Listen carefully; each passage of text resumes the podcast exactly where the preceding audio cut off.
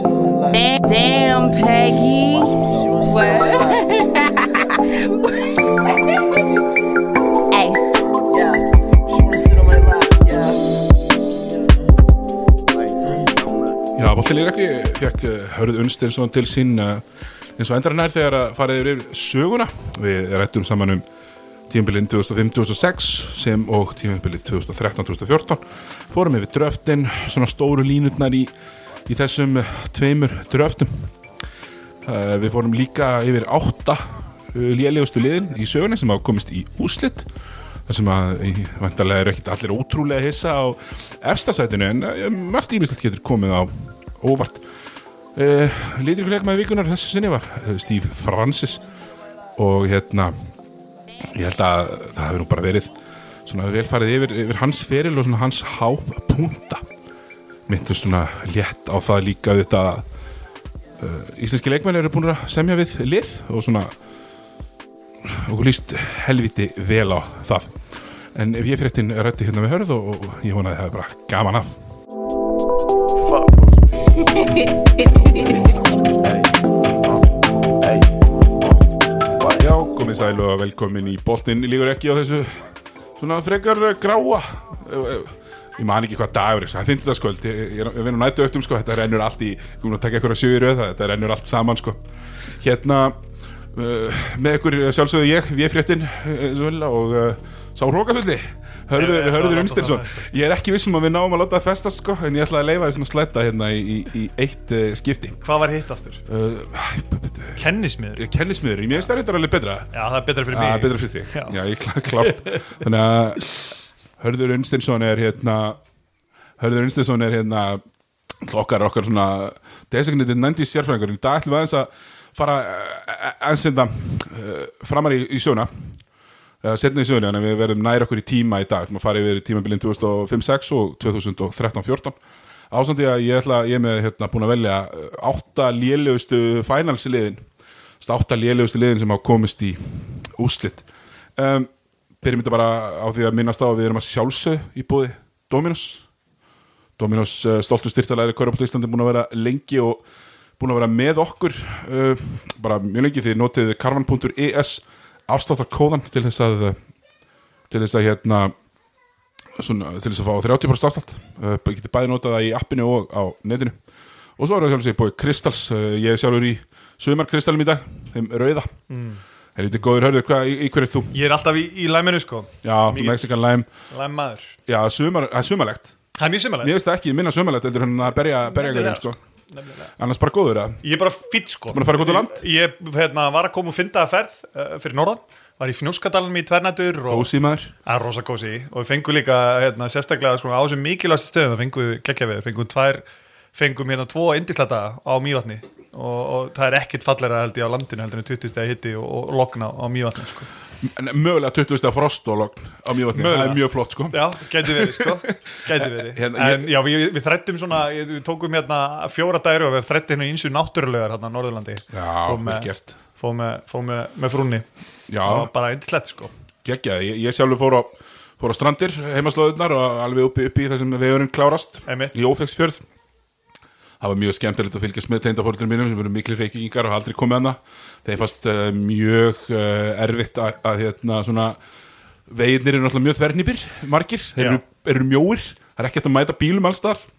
Eh, þú verður að fara inn á svona M einmitt, það var ekki mjög vinsalt að, og, og ég held að teindapapi þurfi að fara í nutt sko. hann held svona í, þú veist, hérna, í handfangið hann var hvítur á puttunum að því að stundum þegar maður fara upp þá þurftir alltaf að gefa í, þú kemst ekkit upp á 30 Það er sjálfsagt. þú verður, að- þú verður að gos, láta þig goss upp Eh, fórum líka yfir á snæfjöldastöndina þetta eru, eh, ég mæli með fyrir fólk að rífa sig út fyrir hringvegin Þetta er, svolítið, þetta er líklega mestu óbyrði sem hún kemst í að að það sem hún getur kert sko. Já, Fyrir þannig klárlega. að hoppstrandirnar þá er þetta líklega mestu óbyrði sem hún getur farið í strandirnar og, og hérna, snæfjöldstrandin já, klálega, ég held að djúpinu. og svona hérna þú verður að, náttúrulega að fara þangað og svo kerur bara sumarið tilbaka, Já. þú veist, það er engin hringur Heldur að sé ykkur í, í Árnesíslu sem, sem, er að- sem er að taka við hérna, Árnesreppi sem, sem er að taka við ferðarkiðunni já, ég við náttúrulega notuðum okkar já, Já, á, hótel, það- á hótel Djúbavík já, Hotel Djúpavík já, hvernig- já, já, við, við notuðum hann öll þarna, Eh, 20 Það er raukt hús eða ekki Uh, jú, geggja flott sko, gamla síldaversmiðan alveg mega næs og henni vel haldið við Ef við segja, boltin lífur ekki styrkir og stiður Já, við. bóttinni er ekki, þetta er hérna Hotel Djúpæk. bara frítspons, farið á Hotel Djúbæk það er alveg geggjað og þú heyrir ekkert það er engin hljóð nema eitthvað niður í eitthvað fossi og eitthvað fugglar að garga sko, Yndislegt. sem er náttúrulega akkurat það sem þú vilt Já, nema er ekki alls ekki búið að setja hátalarna núna Jú, þetta garga átalarna frábær, geggjuð hugmynd sko. og, láta og mig byrja hérna. þetta er alveg versta sem ég veit Bara, ég- ég- já. Líklega versta hugmynd Já, sem ég veit. Ég held að um,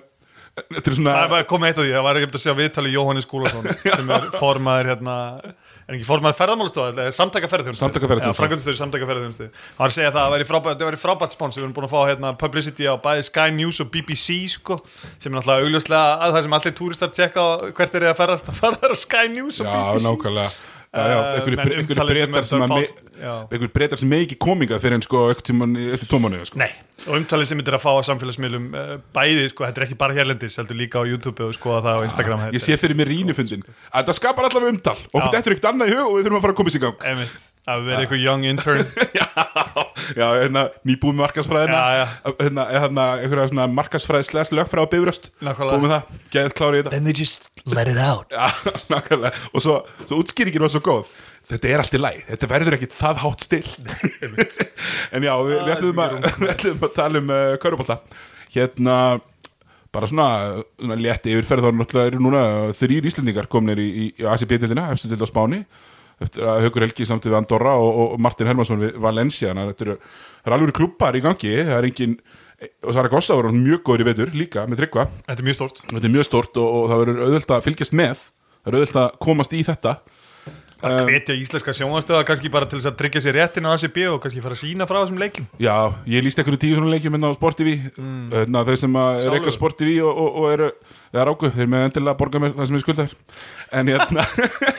en burtsi frá því þá, þá er þetta bara flott nú og svo er Jón Axel að fara til hérna eh, hvað þetta er eftir? Frapport, Fra- Skyliners Já, Frapport Skyliners sem er Horton hérna Herbert. eh, fínt lið í Þískaland, ekki satt Jú, bara ágætislið í Skalandi en, en Þískaland er náttúrulega svolítið svona tvekja hesta hlaup sko. Já, já, já, ég eins og flestar þessar deildir í miðaurúpa eru uh, en uh, Jón Axel er nú kannski aðeins mátt hugsa svona taktist, sko strategist hvert hann vildi fara Frankfurt er, er nokkuð mögulega ég held ég sé vonandi ekki að móðganett sem býr þar að ljótasta og leðilegasta borg í Európu sko. Já, er, er, er hérna, eru þeir í einhverju erfkjöfni? Manstu það? Nei, e,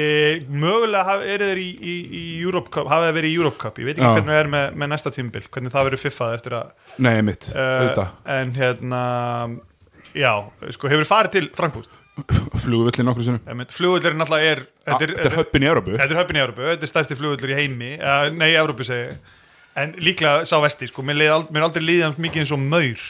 eins og því ég var Já, bara á svona já, flugullinum í það er fullkomlega inkonsekvensjál einhvern veginn, þú er engin áhrif á neitt Ekki neitt, sko. Nei. ég var bara lítið peð þarna sem var flættur í gegnum þessa, þessa hérna, þetta batteri sem var flugullurinn í Frankfurt sko. og mögulega geti alveg keftið sjálfst að góð sem uh, vesti flugullur Já Európu uh, Seldugöl hefur, einu sem ég Seldugöl hefur með sér að þegar maður er standart á sem hérna svona þykistu færiböndum Mm. þá fær maður svona að nutta í iljarnar á meðan af því þetta er svo lind eitthvað Já, það er þetta næst Það er alveg fínt Gefa sko, það, sko. Já. En uh, vonandi bara mun Jón Axel bara líka mjög vel og, og hérna, búa í Frankfurt Já. Vonandi. Ég- Já, ég bara, við bara, bara bara óskum hún góðs gengis, bara Já. frábært þetta Ná- er stórt skrif fram Nákvæmlega, uh, hvað var NBA-deildina þá eru núna 322 leikmenn mættir í búbluna kannski stæðstu fréttinnar að Russell Westbrook uh, greindi með koronavírusin uh, hann er einkernalaus svo sem þannig að hann hérna er bara býð eftir að uh, hann er náttúrulega bara testar á hverjum degi og, og býður eftir að vera ne- neikvæður uh, þrísverði röð það sem er það sem þarf til að komast inn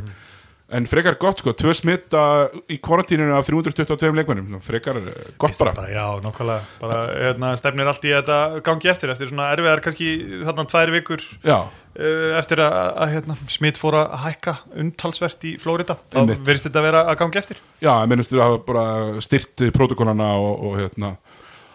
Já, bara svolítið vaði í þetta Eh, Annað svona aðra svona fregnir, svona nýlegar er náttúrulega bara Viktor Óli Dýbó virðist vera hættur við að hætta við að hætta við að hætta við er hann hættu við, hættu við, hættu við, hættu við Já, hann ok, Mhm. virðist það þetta er að spila núna svona, svona stefnir í það sem auðvitað hann er eli- eligible fyrir extension og hann getur sínt í þessum, hérna, þessum leikjum sem hann fær sem verða minimum eh, 12 leikir, sérst 8 plus 4 eða eða við með svipað, sem ég gerum ekki einu sinni ráð fyrir eða eða við með- eða við erum ekki svipað, Nei. þeir eru með fínt lið Þeim fýllið, þannig að uh, það verður þetta ákveðið stage fyrir hann til þess að kalla fram þetta extension því að hann getur sínt svona svipað takta og hann gerði fyrir eh, 2018 já, Eh, en, en ég svo sem Indiana náttúrulega, af því hann er í Indiana þá geta hann fengið hennar penning í rauninni af því að þeir uh, free agents Í- hvernig annan fara ætlar fram- að eiga í, skilur? einmitt, þeir ekki, þú veist þ- minnum stuðningsmenn lélega, svona, lélega markaða á það að þú græðir ekkert á neinu cap space Nei, kall þú minn. færið ekkert, það eina sem þú getur gert er að borga Harrison Barnes 100 Já, miljonir ég, ég, held- ég held að ég komi núna fjóri reyndar er ég- millið nú ekki á, st- á litlum markasgrundvilli en ég er nú held að ég búin að býja fjóra svona stóra free agent glugga í röð eftir eitthvað stórt lendi á mínum önum í já, Nexo já, já, sem að endar sennilega í 37 ára Chris Paul Já. hérna, á þar næsta ári eitthvað svo leiðis það mun sennilega skil ykkur í 8. Já, seti Bobby Pottis og, og einhverja gleði með sko. Nákvæmlega, uh, hérna, boltin er ekki að, að venju uh, með hérna lítringan leikmann vikunar sem að þessinni er uh, Steve Francis eða sem Steve, að kassa henni í lokferilsins nákvæmlega Steve Francis, uh, Francis hann er hérna með uh, hann er uh, með þess að tvö frábæri nickname fyrir mér ekki Francis, hann er með nick- nicknameið Wink, skrítið það er ekki, þú veist, notarækin Nei. og City uh. Já, Ætlan hefur ekki eitthvað orða blikk ég er að segja að það hlýtur að vera, blikki alltaf með báðum Já, mjög skrítið Stíf Francis náttúrulega kom uh, svo veist, ungurinn í deildina, skora 18 stegur rúkjartímulinu sínu, Já, drafta 99 Mhm. af uh, Houston, spilar hann einhver 6, uh, 5 tímul í Houston bara hann var með reyndar mjög, ekki draftaði, sorry að ég sé að grípa Já. hann var draftaði af Vancouver það er rétt hann draftaði treyt, svo ég sé svona Já. designated 90s sérfræðingur þetta er rétt hann draftaði hann treyt, neitaði rauninni eh, með sko drafti viðtalinu sínu og augunum og, og viðmóti sínu þar neitaði hann að spila Vancouver Grizzlies. hann er bara eins og þegar hérna Yi Yan Yan eh, neitaði að fara til Bucks Já. á sínum tíman Já. Já. Þeir sáu það bara þarna fósfosmenn Vancouver Grizzlies í Kanada það, það þýtti nú ekkit að fara alltaf að þvinga þennan mann til þess að koma hann upp sko. til Nei. Nei. En hann var alltaf eitt í fyrstu árunum í Houston og, og, og, og gerði það vel mm -hmm. Verði þetta með 18 til 20 og hann er með 22 stig mest, sko 21,6 Já, og ba- ég- bara svo ég klára þetta þetta er náttúrulega svolítið fyndin sag að hann segir sér að ég- að hann vilja ekki spila fyrir Grizzlies og ástæðan fyrir það var að hann bjó í Maryland það eru skattarar og Guðs vilji, Já, Guðsvili eða vilji drottins Já, ok, ég, ég myndi að Ah, hann að myndi ekki spila í Kanada Já, Ah, já, já, þetta Hann hefði sennilega fengið talsveit betri viðtökur þá í Tennessee menn eru þar, Já. Grislis verið farnir vissulega, tveimur árið setna það er Guð, Guð er, Guð er, Guð er þar, útiraður þar sko. Eða ekki? Jú. Um, hérna, Steve Francis, náttúrulega hann tekur þátt í þessari frægu tróðslakefni á sínum tíma með, hann er í tróðslakefni með Vince Carter og Tracy McGrady er og á ekki bara þar í úslitónum með Jú, hann á hann eina mjög iconic tróðslu þar sem hann tekur svona double pump og pumpar hann alveg sko undir nén á sér það er mjög huggulega, huggulega tróðslu það er Mhm. líklega unni öll önnur ár Já, flestunur ára Já. þetta uh, Hann hérna, hann er náttúrulega rúki og þýr með, enda með átján punta og næstu í sjö uh, stóðsningar í leik Mhm. fyrsta tímabili, hann er þrisustinum stjórnuleikmar og hérna, en, hann- en ferillin fjarar hrætt út ég meina hérna, eina skemmtilega spurninga þess ekki hversu marga leiki heldur þú að, að Steve Frances hann spilar sem sagt, ný, ertu, ertu með þetta fyrir framæk ekki Nei, hann ég spilar búin að- tíu tímbil hvað heldur hann í marga leiki í playoff fáa, hann hefur sennilega farið í playoffs með hérna uh, ætlar hann ekki fyrir playoffs með Orlando uh, þannig að ef ég að skjóta og, og eitthvað, eitthvað pínum í hústur, ef ég að skjóta svona 12 uh, hann á fimm playoff leiki hann fór einu Á, sinni einu sinni gentleman eh? svípaður eða? einu sinni gentleman sweeper að Los Angeles leikis og sko leikislið 2004 þannig við erum að tala um Malone, Payton, Kobe, Shaq liðinu, já, já, já, þannig já. að þeir áttu aldrei break sko. Nei. hann fyrir einu sinni í playoff sem er alltaf bara, eh, já, það er erfitt það er basl já, það er basla að tala um gott legacy þegar þú kennst einu sinni í playoff þrísasunum All-Star leikmaður og oftar All-Star leikmaður en kemst í úslakefna er unni það er Já. Það er, það er magnað, Já. það verður að segja sem sér mm uh, Ferillin hans fer uh, óbúslega hratt niður Já. og, og hérna hún er með treytað þarna til Orlando og svo semur hann við Nix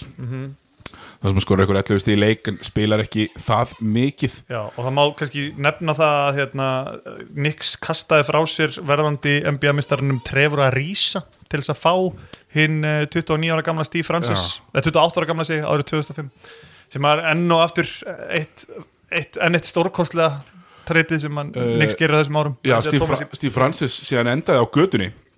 Já, hann hérna, ég mæli með að ég allir lesi hérna, gre- hann skrifaði grein á playerstripjun fyrir ekki, hann var ghostrætuð grein á playerstripjun eftir hann um, það sem hefur farið yfir þetta og það er bara helviti átakalegt En hann er svona, við við erum listur að rífa sig í gang já, það er gott það er bara mjög gott, en, en Óskum honum alls þess besta lítur ykkur leikmaði vikunar Stíf Francis, mikill, mikill hálofta fugl eins og þau kölluðu þetta á sínum tíma Eh, Við ætlum að við upp okkur í, í lista, lista hérna vikunar þar sem að ég er búin að taka saman átta lélegustu liðin sem hafa komist í já. úslit Mér finnst þetta skemmtilegt, þetta. ég er að koma algjörlega kaldur inn í þetta Já, bara blindur. Ég- Já, ég er að koma, ég kem bara, ég er unni með hérna algjörlega kvöldteik Ég veit ekkert hvað þetta kom með Já, ég hérna, hef mikið svona listafýlingur í mér eftir að við byrjum á þessum hérna, podcastum okkar þessum, þessum hérna, gaspodcastum að, að ég er búin að vera hérna, eh, nú verður ég náttúrulega verið með eitt list á dag á Twitterinu hjá mér og ætla, Geggjað. ætla að hendur um á, á körfuna sem líka gera svona litla fréttum hvert bara og komi, komi, búið til smá hæp Já, og hérna nýta er, nýta er það platform nýta með það platform vera, vera sjálfsögðu eins og allir vita virtasti MBS sérfræðingur þjóðarinnar En, hérna, um, þannig að uh, þessi listi var á pínu bras en brasið var sko vegna þess að það er eiginlega bara sjö lélega lið og við miðum mm. við árið 1990 Já. eins, og- eins og Það vennilega var 30 ár af því að það er hægt að bara svona honorable mention eru auðvitað 1980 Hjú- Houston Já. sem vinna 40 leiki Já, tapa þeir voru ekki 42 góðir. Og svo, ég minna, 79 úslitin voru þrótt, sko, Washington, Seattle Já, bullet, bullets það lið Uh, já, einmitt, bullet- já, mjög einmitt. dabrir Eh, já, já, þú veist, já, já, ef þú færir aftur það fyndir náttúrulega, þú veist, þú getur eiginlega ekki tala um þetta þegar þetta var bara 10, 12, 14 lega dild Akkurat, þannig að við byrjum árið 1990 Það er gott, að það er í raun og veru þessi 90s lið sem að Michael Jordan kljást, eh, er að kljást við það hef, eini möguleikin hefði verið sjötta sætis Houston þeir eru ríkjandi meistarar 95, já, Já, en það var ekki hægt að gera það þeir eru rí, alltaf ríkjandi meistarar eiginlega með sama hópin já. um, það, sem að, það sem ég hérna fór í þá þannig að þau- svona Hvað settir í áttunda? áttunda sæti þá var barátta barátta eiginlega á milli 1992 Portland Trailblazers Já, og 2009 Orlando Magic ú, og í raun og veru vann Orlando Magic þetta að já, tapa því tappaði, já, ég, ég er með þar Ég Já. er með þar. Þannig, að- þannig, að- þannig að Portland er í níunda Já, Unni. Portland er í raun og veru í já, níunda. Já, ég er með þar uh, Þetta er náttúrulega lið sem að, þetta er eitt af þessum liðum, það er til, þú getur farið nokkur, svona, nokkur tímbil í NBA 7 þar sem að kom ykkur lið og þau eyðileggja eitthvað storyline eða eitthvað narratív sem er búið að skapast eftir því sem tímabiliðinu gengur fram. Eins og til dæmis núna í ár getum við talað um narratífið Lebron á móti Janis, Já. þú veist, leikis á móti Buck sem er svona sögufrægt Já. uh, rivalry, þó að, að það kannski ekki átti sig allir á því að það var leikis Buck svolítið hérna, sögufrægt rivalry og e- e- segjum svona til dæmis að Boston myndi vinna eða segjum bara Toronto Já. myndi vinna hérna, Milwaukee í úslitum austudeldar þá eru þau svolítið búin að kasta svolítið skráfið inn í þetta narratíf sem er búið að skapast millir Lebron og, og Janis og sama átti sér svolítið staður í 2009 að Orlando-liði kemur hann inn og Já. spilar hennan hérna, forátt uh, bolta undir stjórn Stan Van Gundy með Dwight Howard í sendinum og, og svo er rauninni bara fjóra playmakers las skittur í kringum það og eitthvað sem hafði ekki verið gert fyrir en frumkvöð, mikið frumkvöðast rauninni frumkvöld út í, út í að hérna, Phoenix Suns var ekki að gera þetta það er, svolítið, það er nefnilega svolítið hérna, miskonception með það að Dan Tóni hafi verið í einhverjum forátt bolta, hann var það alls ekki Nei, nei, hann er með Amari Stotumæður að spila mikið í fjarkarum í fjarka sko. oft með, með Jake Robin Wo- Lopez eða Ja. Boris Díá Jake Voskúl startaði hérna 2004-05 til dæmis Sakalítis var Já. oft hann líka þú veist, það voru menn hann sem að voru, hvað er Tómas Já, já, já, já. við höfum talað um það áður en meðan að kemur þetta Orlandolið það kastar skráfið við inn í það narratíf að að Lebron og Kobe þessar Það tvær var meiri sem búið búið til brúðauðlýsingar það var allan búið að veturinn búið, já, Geico var búin að hæpi það var allir, það var allir klárir í Lebron hérna, Kobe 2009 uh, eftir því að, eh, þú veist, let's face it, ég meina Cleveland var með besta liði í austrinu bæði 2009 Lang, og lang, 2010 lang besta liðustinu og Til- þú veist, það er það er náttúrulega bara einhverja, einhverja, einhverja hérna, rannsónaskýslu hvað sem þetta Clevelandli fer ekki í úslit Þetta er 66 er að klínallið Já. Þeir tapa hérna fyrir er Orlando þetta, Orlando- fyrir, er þetta besta Clevelandli Ég held þetta sé besta klínallið að stefnum Já. 2009 og hann er, hann er MVP Já, hann er MVP uh, Þetta er Orlandaliðið vinnuna séu 60 leikir 59 og 23 Þeir ekki, eh, bara ekki taka neitt af Nei, nei, Orlandoleginu Þau fínklið sko, en ástæðan fyrir því að þeir náttúrulega fá þessa nabbót var, var svo að þeirra næst besti leikmaður yfir allt, allt uh, tímabilið, þeir meiðist í, í, í lók tímabilisins. Jamin Nelson, já Jami Nelson sem átti sitt eina All-Star tímabil þarna og í staðinn byrjar Skiptum að Lou, Rough Rolf Rafer Olston byrjar alla úslakefnum og stendur sig vel kemur ekki Jamir Nelson inn í final seríunni Jú, og bara búinn sko Einmitt. bara kemur á snemma tilbaka og breytir ég man eftir, ég Engu, sko. fór á hérna, ég fór á námskeið eins og margir, eh, flestir íslenski körpáþjólar fór ég á námskeið á Stafan Göndi en hérna úti ásöllum í, í haust og eftir að ég fór svona að dýpdafa aðeins þessi tímabil svona í apríl, þá var ég sá, sá mitt eftir því að spurja hann úti, hann, hann leifði þú veist, leiði okkur að spurja fullt af spurningum og hann spurði margir svona frekar nærgöngulega spurningum hans þjálfaraferil, það er gaman að vita hvort hann sæ eftir því að hafa reynda að þvinga Jamir Nelson aftur í staðin fyrir að bara spila á, á skiptum LO eins og, eins og hann hafi gert í, í úsletum östudeldar og unnið runni klífland á því sko. Já, þetta Orlando náttúrulega kemst furðulega leið þeir eru lélegt, virkilega lélegt uh, sóknalið þeir eru, hérna ekki virkilega, svona miðlungsóknalið en frávartvarnalið, besta varnalið í deildinni það sem gerist er sko að þeir spila eins og þeir fór á, þeir eru með þeir eru með Russell Lewis sem er þarna launasti leikmaður ennbjöð til dærinnar Mhm. hérna, Heitu ja, Russell Lewis og Heto og svo erum við Kortnilí í byrjunlinu Mhm. þá mjög ungan, þeir er annarkot fyrsta annað tímabilið að Kortnilí Já, Peterson og svo kemur á bekknum. Michael Peterson á bekknum og bara mjög fínir þetta- fín, þetta er gott lið Já, og raunin að spila vandræðilega lítið Við vorum með JJ Reddek á bæknum líka Já. og, og svo var sko lokuður mitt með þetta sk- skiptum með lú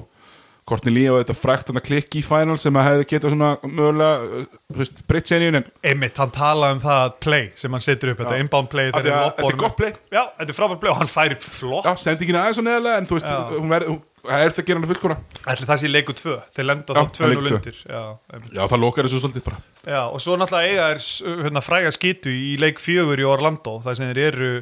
gott ef þeir eru ekki fjórum eða fimmsti miður, ég mann þetta ekki alveg nú þess að þeir koma kaldur inn og, og hérna og, og, og leikist ná að jafna og koma í framlíkingu og fara runni 3-1 yfir uh, inn í leik 5 og klára í leik 5, verður ekki bara gentleman sweep, bara ekki 4-1 Jú, uh, hérna, þetta er sem sagt þeir eru tapa í, í, í þetta fjögur eitt í, í Úslan Einmitt. Þeir fara erfiða leið, þeir vinna sko þeir fara í gegnum fylg í fjögur tvö, svo fjögur þrjú, svo fjögur tvö þannig að þetta er, þetta er ströggl Já, að komast en Norrland og áttunda lélegasta lið og það er, og það er, það er stórt stök uh, næsta lið er og því í rauninni, þetta er, þetta er fínt Þetta er fínt Orlandoli já, þetta er bara fínt Norrlandalið Já, algjörlega. en ég ætla að leta svolítið að því að, að austuldin er skárið þarna en hún er hérna- en hún er hérna í kringum 2000 Mhm. sem að þessi listi mun litast mjög arkalega af uh, en, en hún er ennþá að ná vopnum sínum að einhverju liti sko Já. hérna um, Bostonleið sem kemst í úslit 2008 og 2010 þeir slá þá út 4-2 Já, um, það Bostonleið náttúrulega er svolítið svona depleted að meðstum kemur netti mittur og það er svolítið fer bara með þetta já, fyrir. já, já. hérna náðu komið að uh, sjönda líðlæsta leiri það eru Indiana Pacers árið 2000 Indiana Pacers árið 2000 með bara hörku fínt sóknalið já, já. Uh, þeir eru hörkufínt sóknarlið, þeir eru 15. besta varnarlið sem að er yfirleitt ekki uppskrift að því að komast í Nei. úslit Þetta er Mark Jackson, Ritchie Miller, Chris Mullin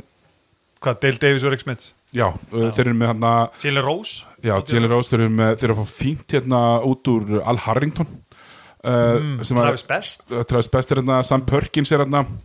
Þetta er bara gott að Jalen Rose sko leiðir bæði vei, leiðið í, í, í stigum Já, það Retsi er með 18,1 og, og, og Jane Rose með 18,2 en svo förum við bara í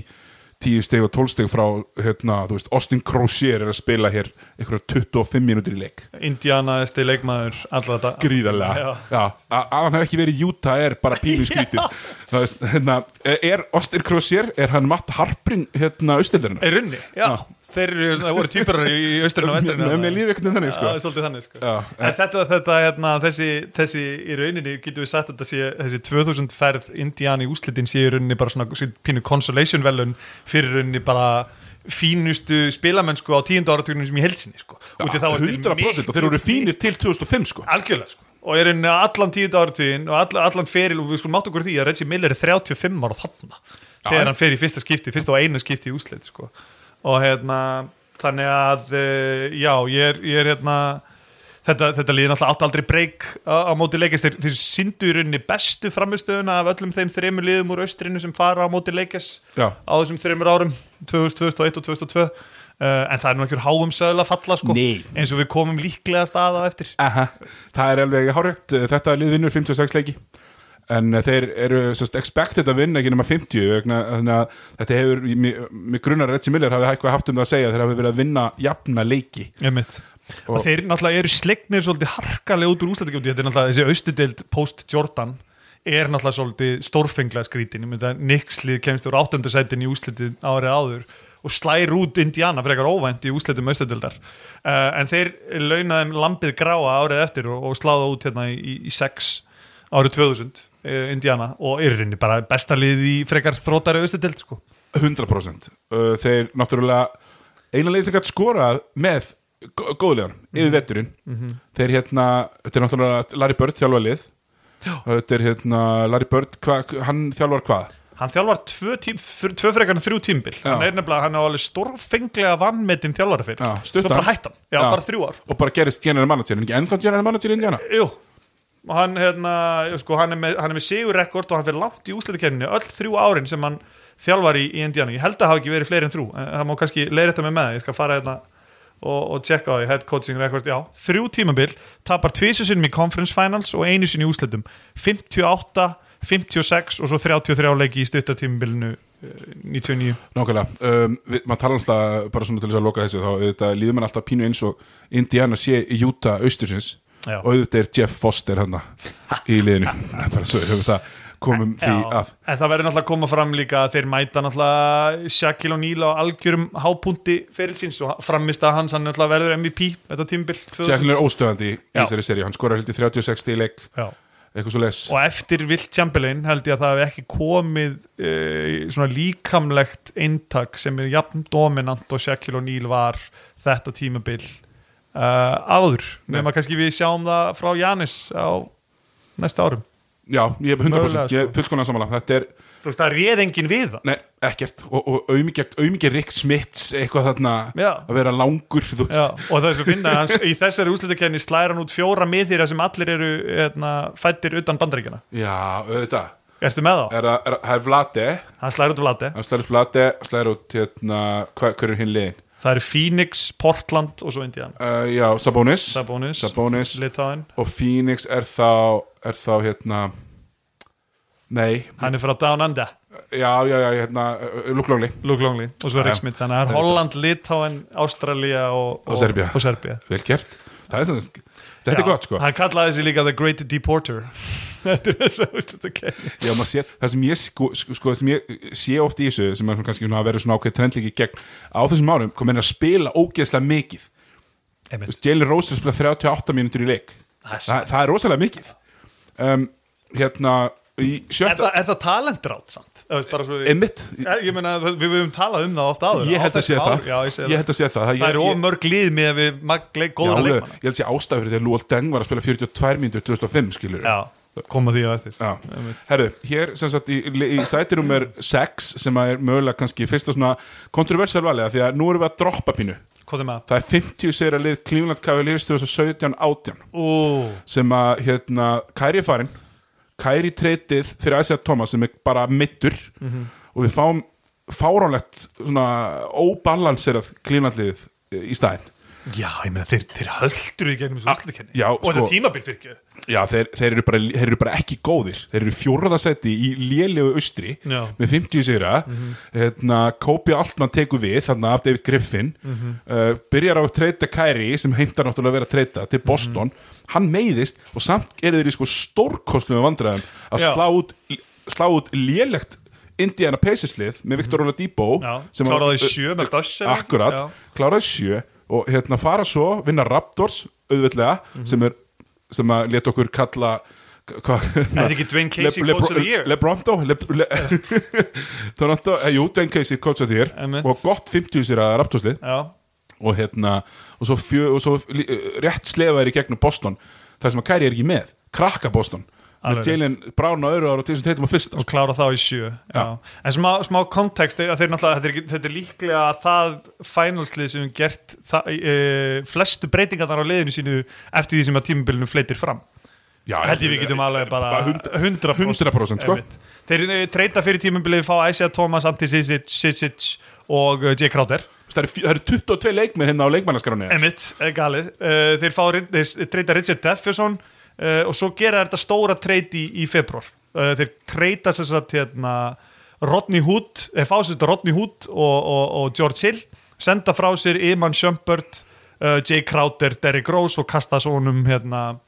honum Dwayne Wade til til, uh, Heat til, aftur. til hít aftur Já, já. og, eh, en fá síðan frá, Clif, nei, frá Los Angeles Lakers líka Larry Nance og Jordan Clarkson fyrir Isaiah Thomas og Johnny Fry þannig að þú ert komið sko Rodney Hood, George Hill Larry Nance og, og, og hérna, Jordan Clarkson, gæði sem spila bara actually, frekar mikið af mínútum í sér úsliðkenni fyrir þá þeir fá þá tveim mánuðum fyrir án úsliðkenni fyrir Já, og mögulega spilaðar á móti besta liði sögunar 2017-18 Warriors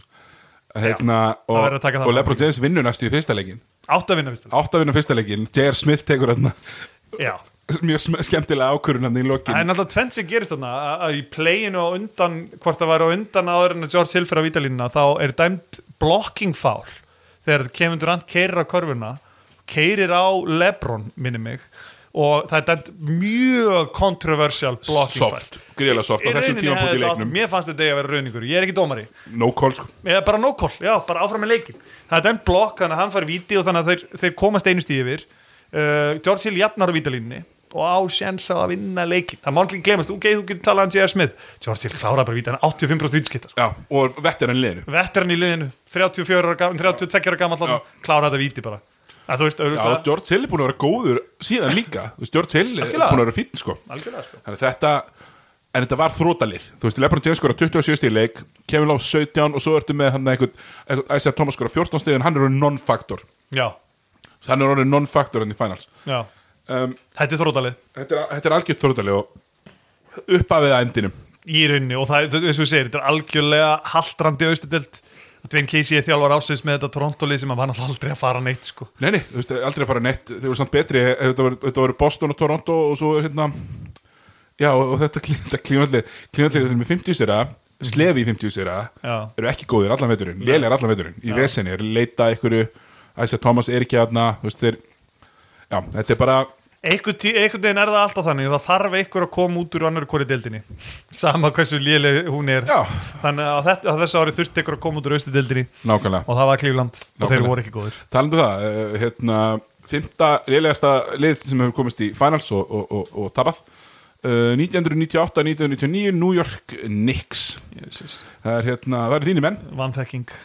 Er það ekki, þeir eru fjórða besta já, mér finnst eða ótrúlegt hvað þeir eru Þeir eru fjórða besta varnarliðið Já. Þeir eru fjórða besta varnarliðið Þeir eru nummer 26 af 29 liðum í sókn já, þeir eru rosa lélegir Rosalega hægir Já. þeir eru, þeir eru sko í, hérna, í pace 24 Mm. Þannig að þetta er slowball já, þeir voru með, þeir voru með helviti gott framkort þeir voru með hérna, Alan Houston og Latrell Spiríful og það voru basically skorararnir þeirra það var, voru rosa fáir aðri sem að voru mikið að setja punkt á töfluna fyrir þá Patrick Ewing náttúrulega orðin hann 36 ára gamall komin vel yfir sitt besta Já. getur við sagt og meiðist svona allir úslitakennin þannig að Markus Kampi kemur inn en, en þú veist eins og við tölum um á þá er austudeldin alltaf skelvilega lélega þetta tímabil 98-99 og, og hérna Nix náttúrulega nýta sér það bara klára Miami sem var fyrsta sæti í, í fyrstu umferð og hérna og síðan bara svona ég myndi segja bara svona ná einhvern veginn að ræta eitthvað hæ eftir það, eftir að slá út Miami á bussebítur í Miami að þá bindast bara eitthvað stemming eitthvað sem er eitthvað óutskipt, eitthvað sem er sagt að getur bara gerst í, í New York í Madison Square Garden, þegar að Knicks gengur vel þá er bara einhver ólýsanleg stemming í höllinni Menn þeir eru 27 af 23 já, Þetta er bara, þetta er bara gott. miðlungslið já þetta er bara algjörð miðlúslið á hérna og, og þú veist, átti, átti enga rétt að vera að fara hann í úslit sko, en lendur svo náttúrulega á, á, á, á vegg Já, ég meina, lendamóti eins og, eins og mun vera að tala um núna Það mun vera að tala um það núna í, í búblunni núna Já. hvað, hvað ungu liðin eiga mögulega auðvöldana með þetta já, og þarna fegstu bara ferskasta Tim Duncan sem þú hefur fengið algjörlega og menn áttu bara ekki breyk þeir átti ekki breyk þú fær 20, og- þú lendur á móti 23 ára Tim Duncan í úslitunum eftir að vera búin að spila 50 leiki á þremur mánum það enda náttúrulega bara ekkit vel sko. Nei. og því miður fyrir, fyrir Nixon minna, það, það er rosalega að sjá meðslalistan þetta tímabil að leikmennum sem að meiðast náttúrulega bara þegar, að- þegar er alltaf mikið álag á þeim sko. Já. Og það mun, eins og við segir, mjög góð punktur mun aðeins vera svipað þegar við opnum í búblun eftir tvær ykkur Já, ég meina, ég, þú veist, það, það er bara likku fyrir en þess vegna líka, um, einmitt, uh, sem ég mun kom inn á svona 400 sinnum á næstu mánuðum að, að þess vegna stjörnumerki er bara til þess að útskýra hvað þetta er skrítið algjörlega, ekki til að gera lítið úr, úr hérna afreikinu algjörlega. en þetta nixlið svona þarna erum við að sjá, við erum að, ta- við erum talað um þetta áður. þarna erum við að tala um óbáslega mikið transition það verður að skiptum hérna, það verður að skiptum svona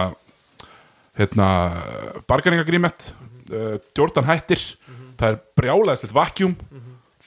við við erum að fá Tim Duncan hann er ekki alveg Já, við erum að fá líka alltaf þess að ungu, ungu leikmennis og, og Kobe og, og Já. hérna, Allen Iverson, Paul Pierce, Steve Nash, Vince Já. Carter, Trace McGrady og þeir eru ekki alveg þeir orðnir eru ekki tilbúinir geggjaðir. Nei, mitt. Nei, þeir eru, það eru, það eru, það eru fræðarna Já. en það er ekki alveg, einmitt, alveg fróku einmitt. Og, og- og San Antonio er bara, er, er bara svolítið með langbæsta lið þarna í þessari best of úrslitakeppni. the worst sko. Já, einmitt. Já, í rauninni. Eh, þannig að ekkert endilega miklu meira um það að segja Eru við, ertu, ertu með eitthvað bíf með listan svo? alls ekki, mér mér finnst bara í rauninni, ég haldi að Nix væri neðar, Já. það er að segja, í rauninni hérna, Já, ég er pína að refsa já, hérna, en þú ert líklega með nágranna þeirra herðu, eh, næsta lið á, á dagskraf, fjórða lélegasta liði söguna til að komast í, í, í finals Eh, 2002-2003 New Jersey Já, Nets tekur bæði saman já, Nei, þetta er semst 2003 já þú ert með hitt, já ok já, já, já, ég já. skil, og það er distinctive munur sem við munum fara yfir eftir hérna, þetta, þetta netslið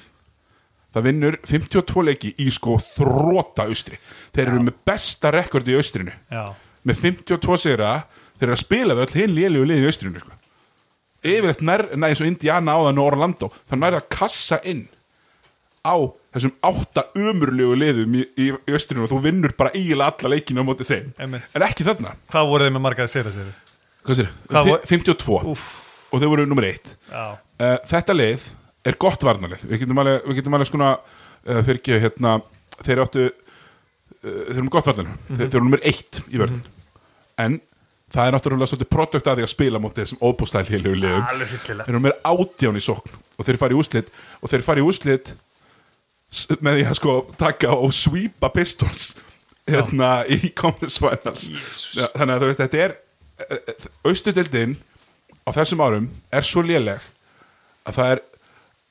mér finnst næstu eins og þetta eigi sko að negata alla umræðu um þegar þú tekur eitthvað, já, já, Allen Iverson, hann komst hann í úslit eða eit- eitthvað svona skilur af því að svo horfir þú veist á vestundildina bara frá 2000 eða eitthvað og þú ert bara með hérna hvert jogger notina og fætur bara öðrum slugfest. Já. Þú veist, en allavega þá er þetta hérna Byron Scott, eh, Byron Scott er hérna er, er þjálfarinn Já, og, og hérna, nei, býtu, býtu, afsakið þetta er, þetta er, þetta er 49 sér að lið já 49, Já, 2003 33, liði, já, já. einmitt. Þeir eru konum með, þeir eru með Mutu- Mutumbo En það er ekki að koma inn að bekknum allavega uh, já, þeir eru Conor Mm, Þetta talið, Mhm. Mutumbo og, og hérna við- Jefferson, Kittles, Martin og, og Kittles já, Lucius Harris uh, þeir, þetta, er, þetta er svona þetta er pínu kvöldlið þetta er, þetta er, hérna, ef þú spilaðir NBA Live 2003 þá er þetta Einmitt. þá er, þá er, þá er alveg nöfnaðan sem ég langar að vera með Já, En- en, það verði ekki, ekki gerðan einar heimildamindir um, um þetta Nei, meina, Og Justin Jason Smith. Collins og Mutombo skipta með sem mið til að miðherra stöðinni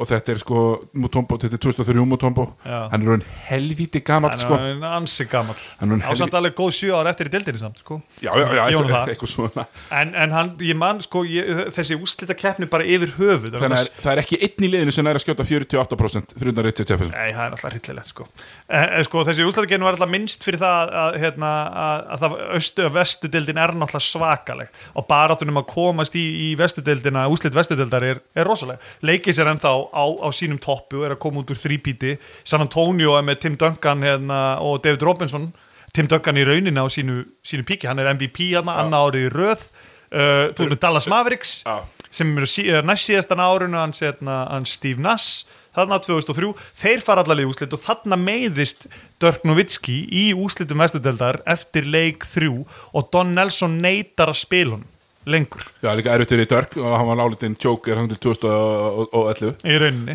við komum að því á eftir Já, já. en hérna San Antonio kemst hann í gegnum, kemst bæði í gegnum vinnurinn í Lakers, vinnur Phoenix í fyrstu umferð og, og klára svo Dallas í úslitum vestudeldar og á í rauninni aldrei í neinum sérstökum vandræðum með þetta, með þetta netslið ég man opaslega lítið eftir þessari úslitaseríu nema bara að Tim Duncan var ég man hvort hann var í rosa nálat eða mjög, hann var mjög nálat fernu í, í lokalinn, já, hér er nefnir þetta 21 stig, 20 frákost, 10 stóðsendingur og 8 blokk já, já, já, já, fínt Einmitt, ef þú ert, ef þú ert að statin í núndjósi, kom hann, fyndu þarna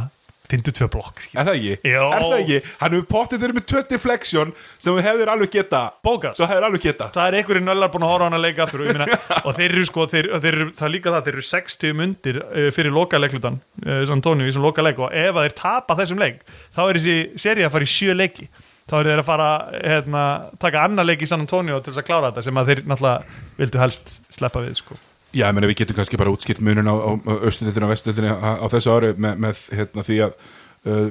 New Jersey vinna 49 leik uh, Portland Trailblazers sem er í sjötta sæti í vesturinu vinna 50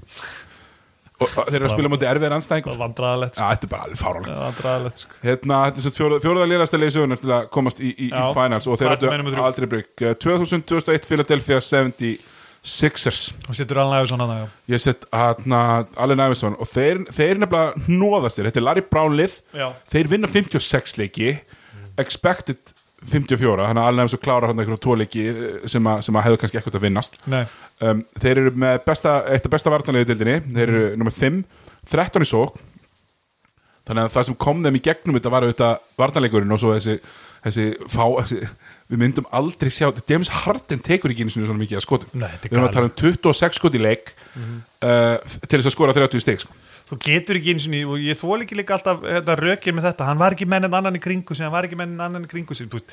E, Þa, það er bara ekki, þú getur ekki endalega sagt þetta Þetta- þetta eru, þetta eru, há- þetta eru hérna, atvinnumenn í körubólta sem hann er að spila með þetta það lítur eitthvað staðar að geta deflektað á eitthvað Þetta er uh, Kimbo Tumba sem er vardamarásins Þetta er uh, Arma Key sem er sjötti marásins mm -hmm. uh, Alveg auðvitað vinnur MVP á sári uh, og það er ótrúlega fyndið ef, þú- eh, ef þú væri færi núna og myndi segja mér að leikmaður sem, myndi, sem væri 10 af 25 að meðaltali í leik væri MVP, það er bara hleyð Galið sko Hann er að taka 32 skota með alltaf leiki í sér úslitaserju á móti leikis Hann tekur 162 skot í heldina í sér úslitaserju Veistu hvað næsti leikmaður í liðinu er með? og segja svona 60 Já, 55 Já, einmitt, Hann er að taka, þú veist að taka, hérna, spila 100 fleiri 40 skot, þetta er spila næsti maður 42 leik Uh, hérna, Fili náttúrulega uh, þeir eru að spila mótið þessu leikisli og, og þeir eru bara desperate þeir spila mút tombo og, og, og hérna spila mút tombo og, og, og hérna því voru allir saman eiginlega alla leikin Já, sem, sem, sem í dag náttúrulega eh, einhver myndi hlæja já, já Veistu hvað, veistu hvað alveg nægum hvílir marga mínútur í úslitaserjunni? ekki, nei, ég veit ekki hvað Kóttum eitt gísk ætlar hann ekki að spila 43 ára eða eitthvað sko. Hann spilar, hann hvílir eina mínútu já, spila 47 myndir leik Nei, hann hvílir í eina heldar já, já, ok, fyrir að 47,8 myndir Yes Hann kvílir í eina mínútu Hann spilar 239 mínútur á 240 já, þetta er ótrúlegt sko Þú getur ekki þú, Ok, við verðum Nei, að, við Það átt getum ekki alveg- breyk, það átt ekki Nei, breyk Nei, en við getum alveg virt það Þú veist, Við getum alveg virt, þú veist, Allavisson Durable, hann er warrior Já, En- Mm. en, en áfælldómurinn er á þjálfarann samt sko. Hann myndi segja það, þetta er, eh, þetta er alltaf tíðarandadæmi líka Já, já, vissulega Þú spilar þig á deill já, já, Hérna, algjörlega. Þetta, eh, Solid 40, 28, 70 splitt þetta er rosa Já, já, og, og yfir tímabilið er þetta sko hérna, er þetta sko 40, 40, 40 hérna, tveir, hérna já, 42, 32 hérna og vítanýtingin er 80 já. Þetta er ekki gott, þetta er ekki gott lið og þetta, er ekki, þetta var ekki bjartur tími fyrir, fyrir körubólta Nei, Erik Snóa á ágæti sísón hann það Já, ágæti sísón í leikstundunum og kannski eitthvað sem alveg nefnum þurfti hann þurfti að vera með gæja sem að vildi tripla boltanum líka mögulega, já Erik Snóa náttúrulega síðan svona hans downturn byrjar þarna svo, svo meðist hann ári eftir og, og, og ferillin búin bara Já. í raun og veru Í rauninu hann spila nokkur ári viðbót en hann er aldrei, hann er aldrei samir Fer hann ekki í úslit með liði sem að, er síðan að koma hérna bara eftir smá Jú Er það ekki? Uh, næsti lélegasta lið söguna til að komast í úslit er 2001-2002 New Jersey Nets þetta er óbúslega svipa lið og hitt þeir Mm. Já. eru nummer 17 í sókn eitt í vörn eins og aðan Já, uh, þeir eru sem sagt uh, þjálfaðar aftur af Bæranskott og Rod Thorne hérna, er, er hérna general manager já Þeir eru með Keith Van Horn þarna samt, eða ekki? þeir nóðast í gegnum þetta þeir fara 3-2 í gegnum Indiana Pacers Já. vinna síðan Charlotte Hornets 4-1 rosalega lélegt sjálfum tónlist óbúslega dapur Charlotte Hornets eh. Þú 4 veist, þeir í k- semi fjögur tvö á móti Anton Walker hérna, B- Boston til þess að komast í finals þar sem þau tapa 4-0 og eiga aldrei breyk uh, ástæðan fyrir því að þetta lið er lélera er að Richard Jefferson er ekki orðin góður þetta hann er bara með nýju stílik mm það er Mhm. og engin þeir eru með Todd McCulloch og ekki með, með Aha, Dick Kemp það er engin í liðinu sem skorar 15 stegar meðal þeirri leik Jesus. engin þetta er þ- þ- jú, jú, ég er all for að allir séu með bara everybody eats Já. en, en þannig að það er allir að svelta Hver, hvað er stig, hver er stigast í leikmælinn Kenny og Martin, 14,9 og hvað Kidd með 14 koma eitthvað Já, ke- þú veist, það eru 4,9, 4,8 og 4,7 Keith Van Horn, Disney Kitt og, og Kenny og Martin Jesus, uh, svo, svo er þetta Aron, svo er Aron það er Williams það þrýr bestu leikmennar er- þeirra eru Derrick með- Dæl er að spila kortir í leikana sko, skilur við. þetta er, e- e- já það er ekki gott Nei, en eins og áður hefur komið fram NBA-deildin á þessum árum sérstaklega austan megin veist, við erum byrjar að fá sjakka og döngan hinum megin sko. en austan megin þá, er- þá erum við bara að tala um ba- eh, svo, svo hérna svona þróta á, á svona skala sem að við eh, næstum skiljum ekki í dag við áttum okkur held ég bara ekki á því sko. hvað þetta er lélegt sko. Nei, þetta er pínu eins og veist, það var nú bara svo, svo ég kannski bara komið hérna með einhverja smá líkingu þetta er svona pínu eins og Indiana Pacers eins og þeir eru skipað, er án Viktor Oladipo og unnu 40 leiki, eða 45 leiki það eru bara efstir já, bara það væri bara besta liðið og bara líklegir í úslit og væri þar, þú veist, hamraðir af einhverju, einhverju leikasliði, skilur en ég hugsa sko að þú lítur svona á já, hérna við erum aftur með stöðuna hérna Eh, þeir vinna 52 uh, Eh, það eru það eru öll liðin hann í austrunum svona svipað liðleg þú ert með Hornets, Magic, Philly Toronto og, og, og Indiana sem eru öll hann með 42 til 44 sýra sem eru öll hann þú ert bara með massívan heima þetta rétt í úslakefni með 44 sýra þannig að þetta er, þetta er erfitt þegar að 44 sýrar skilaðir í 8. setinu hinum einn Það er rosalega, þetta er bara náttúrulega bara eins og ég segi, þetta er náttúrulega bara vandræðalegt að þetta netslið hafa komið þannig tvö ári í rauði úslitu og enn og aftur, áttu bara ekki breyka móti miklu betra leikislið og þetta er náttúrulega auðvöldast að þeir, þeir hérna, þessum er svona storyline og narratífið eins og ég tala oft um á þessu tímubili er náttúrulega að það lið sem að vinnur vestudeldina, vinnur úslitin þarna og, og það, það hefði átt að vera besta lið tímubilsins að mínum að sem var Sacramento Kings. Já, En, Eh, eh, þarna fá, em, þarna fáum við líka sem ég finnst það svo gott sko. ég man svo vel eftir þessum tíma þar sem að maður ma, ma tala svo mikið um hvað Jason Kidd var í góður þegar var svo frábær leikmaður on the break það var svo frábær transition Já. leikmaður það var svo opastar skemmtilegur transition leikmaður og svo eru, þeir- svo eru þeir þetta með nummer 17 af 29 í sókn sko. Í fastbreak, já, já. neða, bara í sókn, já, Já, í sókn og, og eru bara er, er, er ekkert að hlaupa sko. Nei, nei, nei, nei. Þannig að hérna, þetta er, þetta er hérna, ég skal alveg gútira,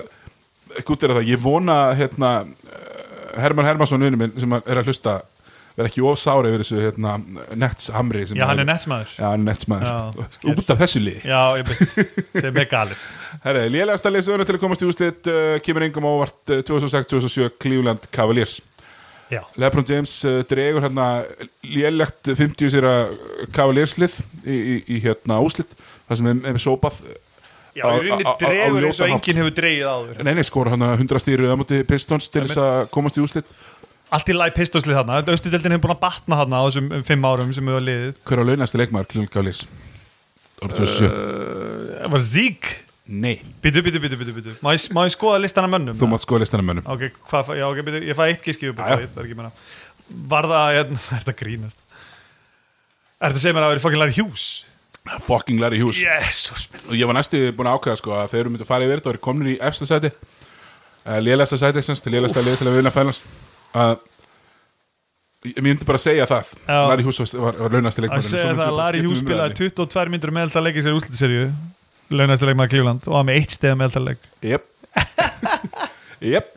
Það segja allt segja það heima síðan uh, Heilari Hughes stop taking so many bad shots.com var uh, mjög lengi í gangi Já. Það finnst En mér bara svo, bara svo fyrir, fyrir hlustendur sem að vilja vita það þá byrjunarliði hjá þessu liði sem fyrir úslitin er uh, Bubi Gibson, Sasha Pavlovic Drew Gooden, Lebron James og Sidrunas Ilgauskas og Bubi- það er ekkert mikið betra komin að bennum sko. Búbi átti tíu þrista leika mútið Pistons í, í hérna Nú að það, já, Búbi Bú- Bubi hérna, hann, hann, þetta var líklega, þetta er hápunktur Bubi Gibson Bubi Gibson Hann á bara þennan hápunkt, já, svo- svo, já. Bubi Gibson er aldrei uh, lifa, hann liði sinu besta lífi Það Maí liggur- 2007. það- það liggur fyrir sko Það liggur fyrir, hann har aldrei verið bóður í mörg partí Já, rosa gamnar Bubi Gibson hérna, þetta er hérna Þetta er náttúrulega uh, Þetta er áður en klínand verða Klínand eru orðið góðir á næsta ári Já. Þeir eru orðið 60 sér að liða ári eftir sko Já, já, við vorum bara ekki tilbúinir Þeir voru bara ekki tilbúinir En þú veist, og og þetta er, við verðum að taka það líka fram Þetta er engin áfellistómur á liði sem slíkt skilur þeir, þú, Nei. veist, þú kemst í úslit þú bara, þú veist, þú varst ekki nóg góður Já, ég meina, Allt í lagi. sko, ég man óbúslega vel eftir því að minn maður Rassit Volas átti óbúslega erfitt með hérna Andersson Verðsjá Já hérna, Á, á glasinu þá? eða? Sideshow Bob Mm. Nei, hann floppaði svo mikið og Rassit Volas náttúrulega mikið að finna kontakt og svona og Já, þú meinar sóknarlega að já, ég skil. Mm. mikið flopp og mi, svona, veist, þannig að Andersson Verðsjá náðu svolítið að, að st- að stoppa hann hann í, í þessari seríu já, þetta er náttúrulega sögufræði Þú veist, það sem að flesti mun eftir náttúrulega þessu úslitkennin er þessi sögufræði leikur Uh, þegar Lebron skorar hvað, skorar hann ekki hvað 27 stig? 27 röð. já, um sem er náttúrulega bara út í hött sko. Já, faranlegt og, og, og náttúrulega punktar þetta með svona tomahag tróðslu yfir allt pissanslið Já, mitt, galið sko Og það er náttúrulega þessi fræga hérna, það er, það er Steve Kerr uh, sem er núna þjálfari Golden State Warriors er að lýsa linu og kallar þetta sko Jordan-esque sko Já, já. Þannig er búin að skora 26 fyrir það, that's, that's Jordan-esque Já, Og þetta var í fyrsta skipti, þú veist það sem að Lebron kemur einhvern veginn fram á stóra svið og sýnir okkur svona framistöðu eitthvað sem við höfum séð síðan síðustu 13 árin ítrekkað, en þetta er í fyrsta skipti það sem þú sérðan í úslitakenni á stærsta sviðinu taka yfir leik og ég held að þetta hafi verið eitthvað sem allir voru að býða eftir hann er búin að vera í deildirandi í fjögur ár hann er búin að fara í úslitakenna að Pistons búin að valda yfir hann sko. Já, búin að vera, þú veist, bara gentlemanli svípaður nokkur sinnum af Detroit Pistons og aldrei einhvern veginn náða að gera eitthvað alvöru, alvöru öldur en gerir það þó svo sannlega þarna í leik 5 í Detroit með allt á línni, ég meina það er 2-2 það lið sem vinnur þennan leik er að fara að vinna seríuna, það lið sem vinnur þennan leik er að fara að komast í úslit og hann kemur með þetta, Já. skilur veist, það, er, það er nokkuð gott entrans Já, mjög gott endrans og, og, og svona Já, eins og ég segi, bara tilkynnti Lefnir segja svona almennilega inn á, inn á, inn á stóra svið og, og ég man mjög vel eftir sko úsliðunum á móti San Antonio þetta er, þetta er fyrsta árið sem ég kipti líkpass Já. Ná, þetta downloada svona einhverjum klæjent það downloada einhverjum svona forriti svona á PC-töluna og opnaði í gegnum það og horfum alla leikina ég, ég, þetta var uh, sumari var hérna heimabænum á Holmavík alveg rétt, og var hérna með vinnum mínum og og annar, annar vinnur okkar hérna, Sigur Freyr Gunnarsson hérna, körf- Siffi, já, já. að Sitti, körubáltamaður Siddi, Siddi, já. hann hérna var með okkar hérna og við vorum svoleiðis búin að plana að hafa svo skemmtilegt sko maður, bara horfa á finals og, ég veit alltaf aða gaman með og svo er þetta bara massíft sóp Já. engin leikur klós og, Nei. og þetta er hérna, Tún Parker eh, fann þess að ég pík Jú, sem er uh, ein- einn af þeim uh, hvað, við getum nú alveg satt að hann er svona næstu því áttið það ekki óver, næstu því óverskuldaðist í Finals MVP uh, á eftir kannski Andrew Iguodala, við getum kannski ekki lista því einhvern tímann við getum gett að kafa lennart er á þeim lista Já, ég meina Tim Duncan er langt besti leikmar í liðinu, hann er búin Já, að koma já. með úslitin Já, já, já, búin að draga algjörlega. það í gegnum Já. sex leikja móti Phoenix Suns Já, mi- þú veist, þú veist. alveg úrslitin eins og hefur gerst ótrúlega oft við vorum vestan megin Já, já, þannig, að- sjálfsögðu. þannig að við tökum þetta bara saman Já, áttundarsæti, 2009 Orlando í, í, í sjöndarsæti, 2000 Indiana Pacers uh, Cleveland 2018 í, í, í sjötta 99 Knicks í fymta 2003 Nets í fjóraða og Philly 2001 í, í þriðja, New Jersey Nets 2002 í öðru og lélægastalið 2007 Cleveland mjög, mjög, mjög góð listi Ég held að hans er bara nokkuð svolít Já. uh, hérna, Við náttúrulega erum að tala um koncentrerara talent á, á, á hérna, nýjönda áratökum þá er þetta að finna lið sem að voru jafn, þrótið En við ætlum að hérna, vinda okkur í það að kíkja hérna, á, á, á, á tímabil Við ætlum að fara í tímabilið eh, 2005-2006 sem að hérna, svona, fyrir mér markar eh, pínu upprisu austursins úr öskustónni Vist, ég er auðvitað alveg ánægð með hennan Pistons-titil 2004 en það var líka eina liðið sem að ásand, ásand Já. þetta hérna Ron Artest eh, Indiana Pacers lið sem gat eitthvað Einmitt. Já, uh, það er ákveð tek, já, já, já. Uh, Ösku, öst, östudeldin er að hérna, rísa upp, ég meina, Lebron er komin inn í östudeldina, Dwayne Wade er komin inn í östudeldina, það eru komnar stjörnur í östudeldina sem voru ekki á þessum árum sem við vorum að tala um hann aðan 2002-2003 upp úr aldamátunum þannig að sjálfsögjú, östudeldin er orðin, orðin mun betur en hún var þarna Já, við ætlum að byrja að kíkja á, á 2005 eh, draftið Já, skemmtilegt, skemmtilegt, hérna, skemmtilegt draft það eru eh, nokkrir, nokkrir all-timerar sem koma en ekki, nefnum það ekki segja margir það er kannski eitt í tveir en náttúrulega það sem að eftirminnilegast er er að, er að hérna, Chris Paul kemur inn í þessu drafti ég draftaði til New Orleans klukkan, nei, númer klukkan númer fjögur uh, en þessir, ef við förum yfir bara topp, topp svona 6-7 í þessu drafti Andrew Bogut er valin fyrstur fyrir til uh, Milwaukee, þetta var ennþá á þeim árum það sem að, að lið taldi sér þurfa stóran mann, þeir taldi sér þurfa sendir eitthvað til þess að kasta inn í miðuna Þetta var líka konsensus nummer eitt pick Já, var þetta? Já, Já, já, algjörlega, Ah. eins og flest pikk voru með stóra menn á Já. þessum árum, það var yfir, fyrst ég minna árið eftir, nei, tveim árið setna er, er Greg Oden draftaðar yfir Kevin Durant, það var, jú, það var einhverju villisíkar sem sögðu, í 28-29 liðum, sögðu, já, það er rétt pikk, Já. Að, þú veist, og hérna, en það er kannski aðlega nummer tvö pikki sem maður kannski er hægt að setja hans út á uh, Atlanta Hawks á þessum tíma eru með gæja, þeir eru konum með Josh Smith, þeir, hérna, þeir, þeir tóku Josh Childress þannig þreymur árum á þeir eru búin að drafta rosa mikið af svona háum vangmönnum og vantaði leikstjórnanda og þeir taka Marvin Williams meðan að menninni sem kom í næstu tveim pekum eftir mér eru Deron Williams og Chris Paul Mm, já, Þú veist, það voru leikstöndur hann í draftinu sem maður hefði getað tekið en, en hérna, og raunni þriðji gæðin og eftir því líka er, er Raymond Felton sem var í North Carolina og, og hérna, hefði líka getað verið valinn sko. Martel Webster fer nummer 6 en eitt umurlega Portland pikkið uh, og það má ekki gleyma Ég því er held að- ég reyndar sko, held að líka mér hann smartil öfstir hafi verið draftaðir Já, og þeir- 6-8, skýtu þristum, Já, en hvað? Emmitt, en þú veist það má ekki glemja því að Portland átti sko þriða peki Portland hefði getið Já, tekið Chris treytuðu Paul. niður. Þeir treytuðu fókið niður til þess að taka Martha Löfster og gefa Utah hérna, gefa Utah hérna, þriða peki til að taka Derrick Williams Charlie Villanueva, maður tekið til Toronto og New York Knicks líklega eitt af svona skástu pekum með New York síðu ára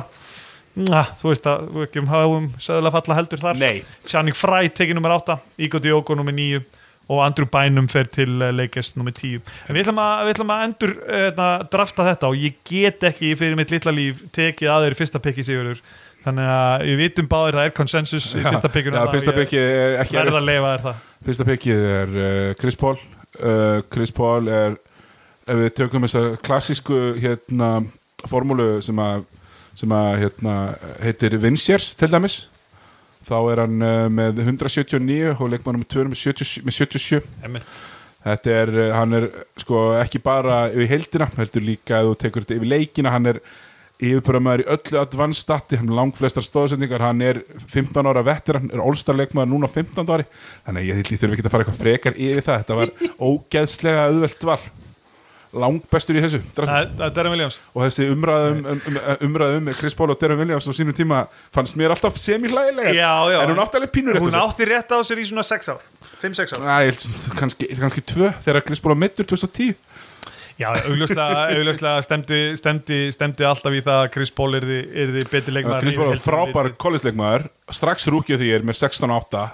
fyrsta tímabili Og líka eftir því sem við lærum meira um hérna, advanced tölfræði þannig alltaf átt okkur á því að það sem að Chris Paul var að gera var líka eitthvað sem að náði kannski ekki alltaf utanum þessa hefðbundu statistik sko. og, og svo er náttúrulega bara, þú veist, rannsóknar efni og ég var alveg til í að fá heimildamöndu það einhvern daginn Hvern, hversu miklu hengi fyrir Darren Williams fer fram af eh, þegar hann, hann, hann þarf að fara að segja frá því hvað gerðist já, ég var til í gott Ah. players tribune gas sko, ja, ja. ángríns mena, hann, hann var, gott djöðafittal, mena, ja, dramatíska mynd þannig að þú ætlar að velja nummer 2 ég verða vel að Darren Williams nummer 2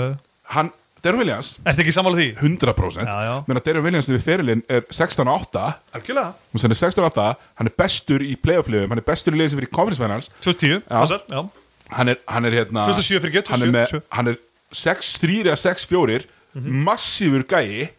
og ég man að Chris Paul átti í miklum st- erfiðleikum oft með hann Já, já. þegar hann er miklu stærri og hann er með 36 pluss tryggstaskita, svona- fyrirlinn frábært crossover Já. frá hérna, vinstri til herri sko geggjaf besta í deildinu á Eitthvað svona sínum besta tíma body control á crossoveri sem við séum bara síðan Tim Hardaway held Já. ég sko það er Án gríns. óbústlega skemmtilegur Já. en hérna svo er náttúrulega dökkulegðanar hann, hann lætur, Hverjir eru hann, dökkuliðar? lætur hann ekki reka til í slón fyrir út Já, já, það er dökulegar ég- þú veist, En er eitthvað þrótana? Er eitthvað, er það eitthvað, er eitthvað er, það er í raun og verið ekkit þrótt það, það sem er kannski skemmtilegast við Darren Williams er að hann náttúrulega fór að spila í Evrópu í lokkatunni Já, hann fóttu Tyrkland Já. Alveg rétt. En er eitthvað, er eitthvað, er eitthvað svona katastróf Þú veist, það er engin, það er engin Það er engin, njá, það er engin, engin njáleðaslit eða, eða hásinaslit eða eitthvað slíkt nei, hann fekk eitthvað svona, það var eitthvað svona beina eitthvað beina drast í hælnum á honum eitthvað svona Já, þetta er svona fullt kannski af litlum hlutum sem að verða til þess að í rauninni er Darren Williams orðin bara inconsequent, þú veist, hann er orðin bara ómarktæku leikmaður í dildinni 28 ára gammal. já, komin í Cleveland þarna sem hann fór ekki eins og að spila Já, og við erum talað um sko fyrir 7 árum já, síðan. Þú veist, ég meina, Darren Williams er fættu 1984, hann er bara 30, og- þú veist, ekki, bara- þú veist, hann er 36 ára dag, en mér líður, mér líður eins og þessi 50, sko. Mér finnst svo langt síðan hann, hann gati eitthvað, sko. já, það er bara, það er fullkomlega sangjant Já, algjörlega, og við erum með gæja, við erum að tala um gæja, þú veist, hann var, hann var second team 2008 og 2010 í úslitakenni 2010 þar sem þeir, eru- þeir eru reynda dett út í annar umferð úslitakenni 2010, hann er með 24 steg og 10 stóðstíkar í 10 leikjum 45, 40, 80 split ég meina þetta er, þetta er all time tölur í Já. 10 leikjum í, á stærsta sviðinu 100% sko og þetta er, þetta er 10 ár síðan og hann er bara, bara buff, bara farinn þú veist já. Hann nú tvö, alveg 100% og ég er mjög, ég, bara svo við förum yfir það fyrir aðdóti, ég er gríðilega spenntur að heyra hvað hérna það eru, fannst mér sko ef að, ef að hérna ákveðin maður hefði ekki einhvern veginn bara farið yfir um þá væri piknumver þrjú sem hefði kannski hefði, en það meiri sér átt að vera nummer tvö hérna hefði átt að verið mjög auðvelt En Andrew það- Bynum já, Já. En, er það, Má ég segja, má ég segja hver er í bóði? uh, Það já, er svona, ég fyrir mér er þrýr, þú ert kannski með fleiri, ég veit ekki Það er Andrew Bogut, þú veist, sem er lætt að taka hann inn, þú veist uh, Danny Granger og uh, Lou Williams uh, já uh, ég er bara fullkomlega sammála þessum Þú ert með einn af þessum Ég trim er með einn af þessum þreymur Ok. Ég er með Andrew Bogut, Já, líkilmaður í meistarli Einmitt. hérna, batt saman vördina og gerði þessi þess, þess, þegar maður gerði þessa sókn hjá Golden State Iconic Mhm. fyrir utan náttúrulega þessar brjálegu skittur er þessi, er, þetta- er þessi split cut sókn sem maður spila þar sem maður koma á sko með 100, 100 km hraða bæði Curry og Clay Thompson og þeir eru að hlaupa af Andrew Bogut Mhm. Já, já. og það er Andrew Bogut sem er að fá boltan á high post og finna menn út um allt og það er sóknarmenn á vellinum Já. það sem að gerir náttúrulega varnarmenn á Akkur- vellinum er ennþá Það mikilvægara, sko. ég segi það, og það sem gerir En 2015 titillin er Andri Bógut algjör leikilmaður 100% og má ekki glemma því, Andrew Bogut spilar ekki leik 6 og 7 í, í allavega ekki leik 7 í útlitunum 2016 um mitt ef að Sem er Festus og Síli þarf ekki að byrja inn á í leik 7 Já. ef Andrew Bogut spilar þann leik þá er Golden State mistar allan dag 100% sammála já, Það er það ég. er mitt tek Hérna, já, þannig að Andri Bógut uh, nummer þrjú Já, það er svo sem ekkert að ræða þannig frekar, mér finnst það gott Ég- sko, Ég strögglaði svolítið með, með fjögur uh, sko, Píkið, er einu toppurinn á ferli Danny Granger er klárlega betri heldur en toppurinn á ferli Lou Williams En ég ætla samt að taka Ég meina, solid Það er annar leikmaður hérna með topp sem er betri heldur en Nú Williams Býta aðeins, býta aeins, býta aðeins Ekki, uh, mm. þannig David Lee Ekki einu Býta sinni aðeins, það býta, býta, býta, Jæja. býta, býta Geða mér aðeins, geða mér smá tíma Sem er betri topp heldur en Lou Williams uh, Sem er betri topp heldur okay, Ég var með Lou Williams, Monta Ellis já Já, ég ætla ekki að taka hann takk Ég vil ekki fá Monta Ellis í mittlið Bara, ég er líka, ég er ekki bara að drafta Pældi- gæja sem að pæ- gaf Andy Stats Pældi hefur Monta Ellis verið með mentalitet en Sulu Williams og skora bara 20 stega bekknum, alveg Sulu Já, Williams en hann Það er gat sama bodytypa Já, í rauninni sko ég, meina, þú veist, ég, vil, ég vil frekar fá 14 ár af solid Lou Williams tölum Þú veist, gæinn í, fyrr- í hérna, 17-18 tímabölunum með, með, með, Goldist- nei, með Clippers sáttur við að koma á bekknum með 23 stig og 5 stóðsningar 80 leiki, af bekknum Þú veist, 48 sérli já, algjörlega og se- sjötti maður ásins þrísasunum aldrei kvartað yfir sínu hlutverki alltaf verið ultimate professional uh, góðu lýsfélagi af öllum hérna uh, í öllum þeim liðum sem hann hefur spilað í og á skilið að ljúka ferlið sínum með því að vera mistari þó ég haldi nú ekki með, með klippa sko. og hérna þannig ég ætla að taka númer, hvað er það, númer fjögur? Taka Lou Williams. Lou Williams nummer 4 Þá er uh, Danny Granger nummer 5 Já, the curious case of Danny Grinsjö Það er alltaf skrítið, menn að hann einhvern veginn Danny Granger feitar út og leða Paul George feitar inn Já, svolítið að- meiðist þarna svolítið í eitt kemur það ár two og Paul point George bara hyrðir stöðuna og er bara aðeins betri en Danny Granger skora 20 og 60 í leik Danny Granger var sko, easy all-star leikmaður 2008-2009 já, og, og var bara stemdi á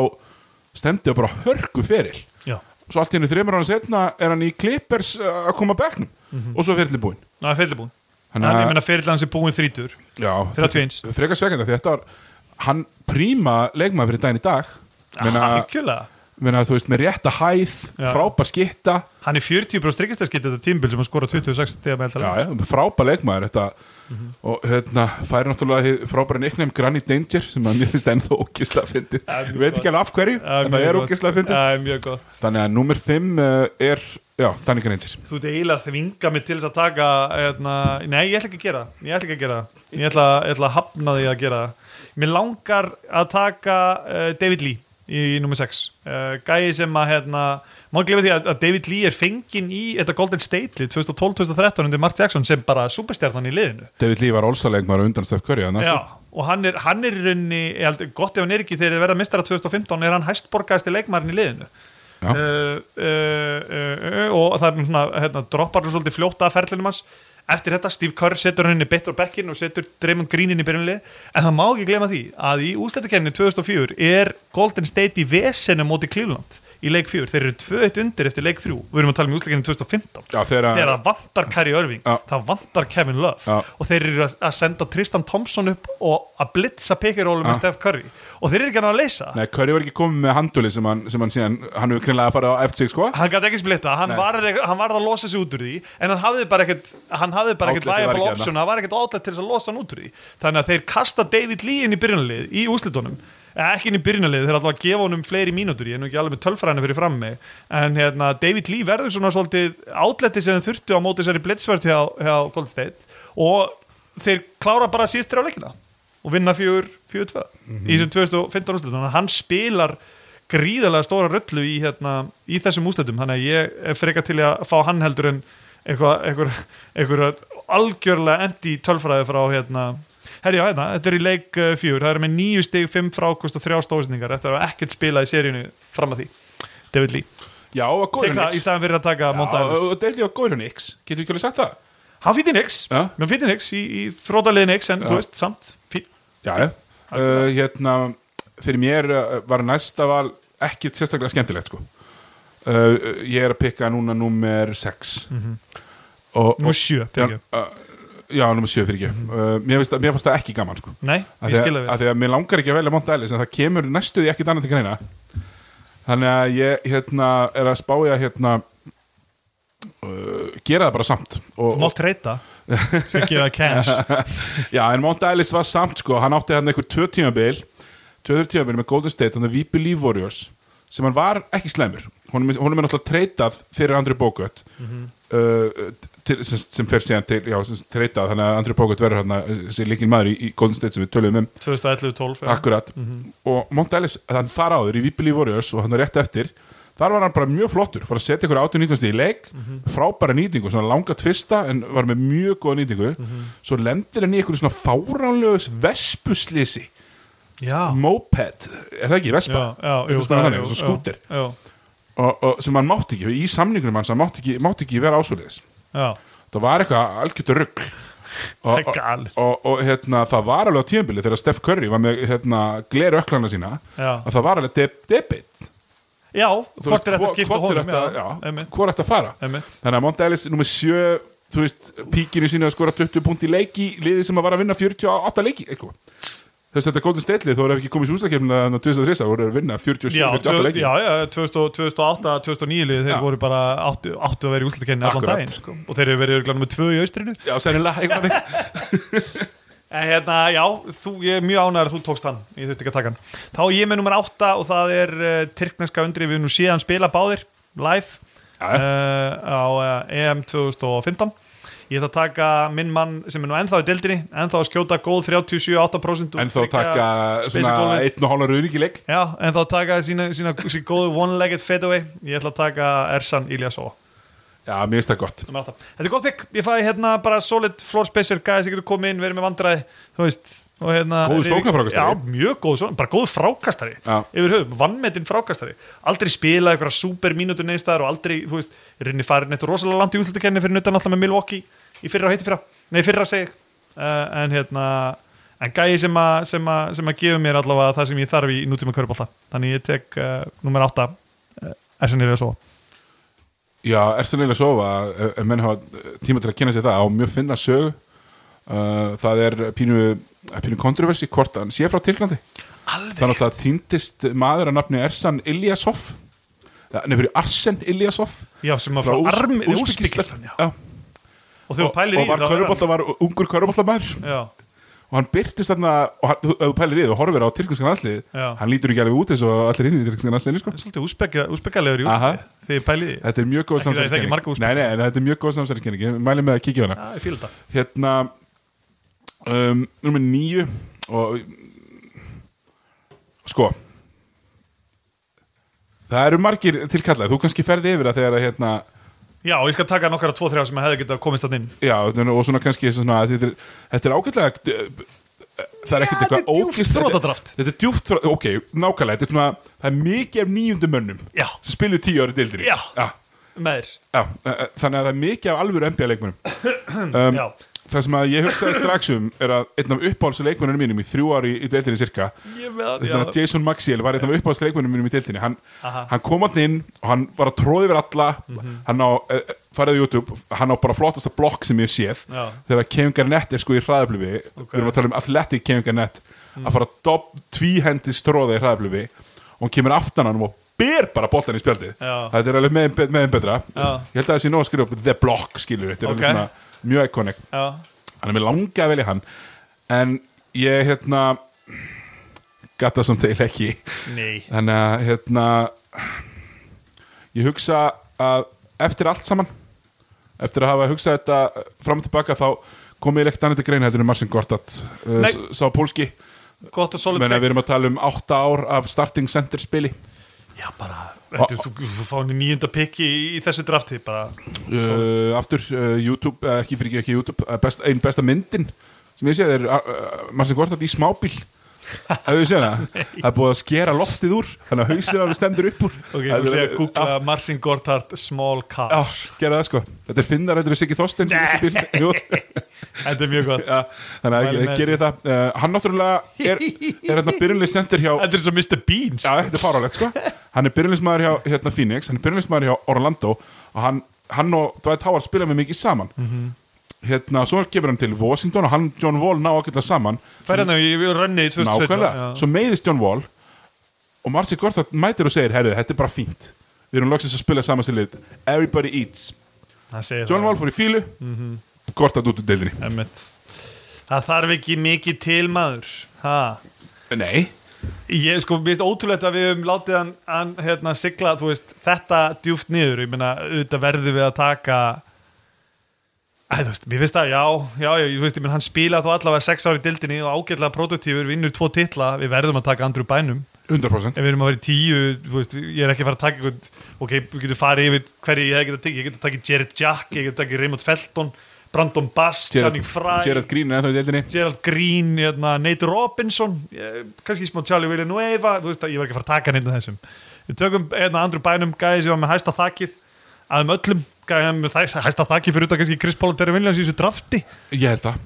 á gríns, Já. þú veist, við erum að tala um sjöfetta gæði sem að, hérna, þú veist gatt bangað og gatt tekið frákvöst en hann alltaf bara var alveg stórfenglega ofin með meðsli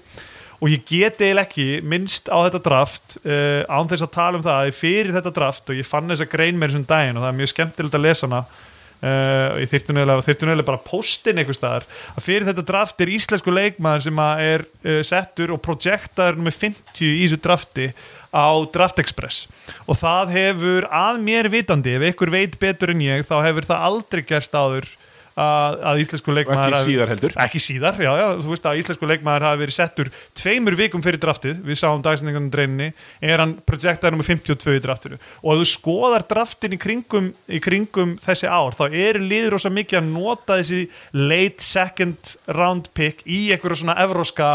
Uh, einhverja evróska gæja sem að mögulega getur orðið eitthvað hérna eru til dæmis Erasem Lorbeck frá Slóvinju, Andri Viskius frá Lítáen, Míle Ilic já, Úrus Slager seg- rosa mikið af hérna, þetta er rosalega Martínas Andriús Jeskins og ef þú skoðar draftin í kring 2004, 2005, 2006, 2007 þá eru lið bara að gera þetta og þetta er- þeir- þetta er draftin stash þetta er draftin stash basically og þeir eru að vonast til og það eru nokkri minna Gortata er draftaði nummer 57 þú veist, hann, hann hérna, komist inn í deildina El- Elias Sóa nummer 36 og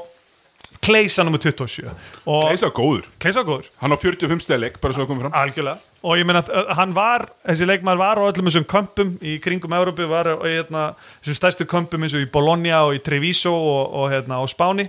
En uh, því miður datt einhvern veginn út af radarnum og ég væri nú alveg til í að heyri í einhverjum NBA skátt einhvern tíman hvað það hefði verið sem að hérna, sem að hefði, hérna, sem hefði komið upp á uh, og hversin hann ekki verið draftaður en allavega Pavel Amulíski var inn á, hérna, inn á draftexpressinu uh, fyrir þetta draft og þessi grein er þó til ég þarf að senda hans ekki, hún er mjög skemmtilega Já. þegar þeir negla gjörsamlega uh, típuna af leikmanni sem að Pavel er ennþann dag í dag sko. Mér mér langar svona- bæði kost og galla Mér langar hérna að gefa örf á sjátt hérna á, á leikmenn sem að urðu sem bara fínir NBA leikmenn sem að uh, komust samt ekki nálægt sem alveg þessum top 10 Ronny Turjaf spilaði talsvett mörg ári í deildinni bara Mhm. Já. fín uh, svo náttúrulega svona, svona hérna, sprellikallar eins og Von Weifer er þetta með 39 Mhm. uh, Ian Mahimi sem er ennþá í deildinni held ég áhugavert uh, hann er hérna, nummer uh, 40 um, sko Nei, afsaki, nummer, nummer fyrir nummer 28 um, undrafted leikmenn þar er Will Bynum sem spilaði náttúrulega mikið í Európu, algjörð legend í Európu spilaði, spilaði fyrir Pistons og svo langar mig að minnast á eitt svona sem að hérna, eða einn eða tvo sem að svona áttu menn bundu miklar vonir við uh, Alan Anderson Mhm. sem að var hérna varð starter í hérna svona kjá, hérna, kjána netsliðinu þegar eftir, eftir hérna þegar þeir treytu og fengu sér eldgamla Garnett Pierce og, og, og svo Darren Williams og þetta, Já. þetta rugg Já, já. það var Alan Anderson að starta þar ótrúlegt og, og svo Kellina Asubuki Mhm. sem var mjög góður í Víbili vorjóðsliðinu Já. sleitt hnjöða sér svo harkalegi sundur alveg rétt, að hann er núna, sem sagt, hann er núna color commentatorinn hjá vorjóðs það er ekkert Í annað já. deildinni. já, alveg rétt, þannig Ég man að eftir þessu. það var, það var mjög flottur hérna, leikmaður, fannst mér svona prototýpa af ákveðnum svona 3D Já. Eh, gæja þannig að við ætlum að vipa okkur yfir í í, í tímabri sjálft sko og eh, við hérna, römmum þetta inn eins og við gerum oft með, með því að svona benda á hvar eh, hérna hvað segir maður hver, hver, hver, hver er í óla NBA liðinu Já, það er nú svona alltaf það sem gefur okkur bestu, bestu svona sögulegu, bestu sögulegu kannski snapshotið í rauninni á, á, á liðin sem slíkt, eh, á tímbil sem slíkt segi og, og þetta, er, þetta er svakalegt eh, All-NBA fyrsta lið sem að, hérna, kemur inn þetta tímbil. þú ert með Steve Nash, þú ert með Kobe Bryant þú ert með Lebron, Dirk og Shaq og Shaq, að gleyma því óbáslega margir og ég fekk svolítið, hérna, fekk svolítið heyra þeim mitt þegar ég sagði að Wade hafi ekki verið besti leikmaðurinn í þessu 2006 Miami-liði, að Shaq var ennþá algjörlega besti leikmaðurinn í þessu Miami-liði 2005-2006 tímbili hann er All-NBA First Team Center sko. þú veist, Shaq er ekki orðin jú, hann er orðin 35 ára, en Shaq er ennþá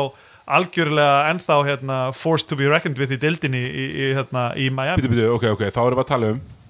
Ég er ekki með það Það hlýtur að vera, náttúrulega, Steve Nash er MVP Steve Nash er MVP þetta tímbili, já Já, og, og þetta er tímil 2005-6 og Kobe er að skora 35 stílik og með Kobe, Þannig að þessir eru tveir eru gardarnir í förstími, ekki? Mm mm, jú, passar Er Duncan forward? nei, Duncan nefnilega kemst ekki í fyrsta lið Amari Sotumær? nei, ég var að, ég var að hérna, Ok, nú er ég orðin pínu confused, Já. sko Dörk? Dirk Já, Dörk já, já, hún er þínu núna uh, Dörk og, og ekki Amari Sotumær Vá, ég er alveg Ég er að blanka mjög hann er á harkalega. þriði ári dildinni Er hann á þriðið dættinni hann? Dræft á því að Chris Boss, eða? Nei, Lebron Já, Lebron James auðvitað auðvitað, þannig að hann er komin hérna í fyrsta Hann er lið kominn þarna, já. þannig að annar lið er þá Duncan og, og, og félagur An- Duncan og Elton Brand Elton Brand átti náttúrulega sitt síðasta frábæra tímbil við munum tala um það Nei, eftir Clippers. við munum tala um það eftir Ég af því get að, af því ímyndað að, mér það. hérna, ég man mjög vel eftir þessari rústakefni Já, og Dwayne Wade og, og Chauncey Billups uh, og Ben Wallace í, í miðherranum svo ertu með rosa gott líka reynda þriðalið með Alan Iverson, Gilbert Arenas sem á frábært tímbil fyrir Washington uh, var, var, ekki- Sean var Marion hann ekki stegastur í næst stegastur næst eftir eftir, eftir, já, eitthvað svoleiðis, eftir Kobe uh, Sean Marion, Carmelo Anthony og, og Yao Ming taka hérna þriðalið MVP Steve Nash, Vardamann Ásins Ben Wallace og eins og þú myndi- myndist aðan hérna nýlið Ásins er, er uh,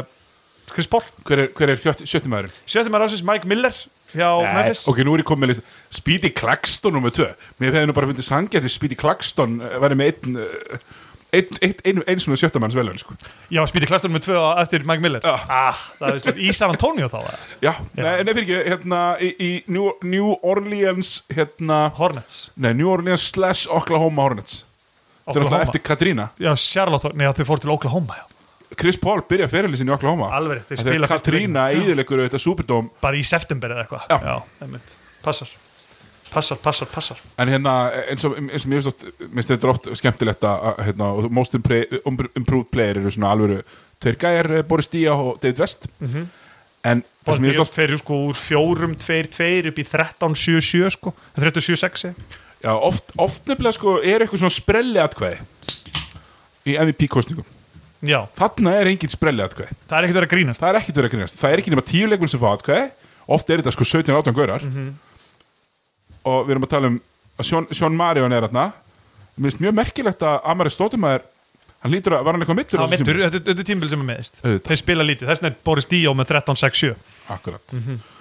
Boris Díaz sem að mér fannst hérna vera og, og sínum tíma sérstaklega þegar hann spilaði þetta miðherrastöðuna talsvert Já, uh, besti, besti sendinga miðherrin í, í- í deildinni í smá Algjörlega, tíma sko. sko. algjörlega sýndi það Frábær. í San Antonio síðar sko. en þetta er náttúrulega tímabili eins og segir þegar, sem að Amari Stottumæði meiðist og þeir, þeir fari í rauninni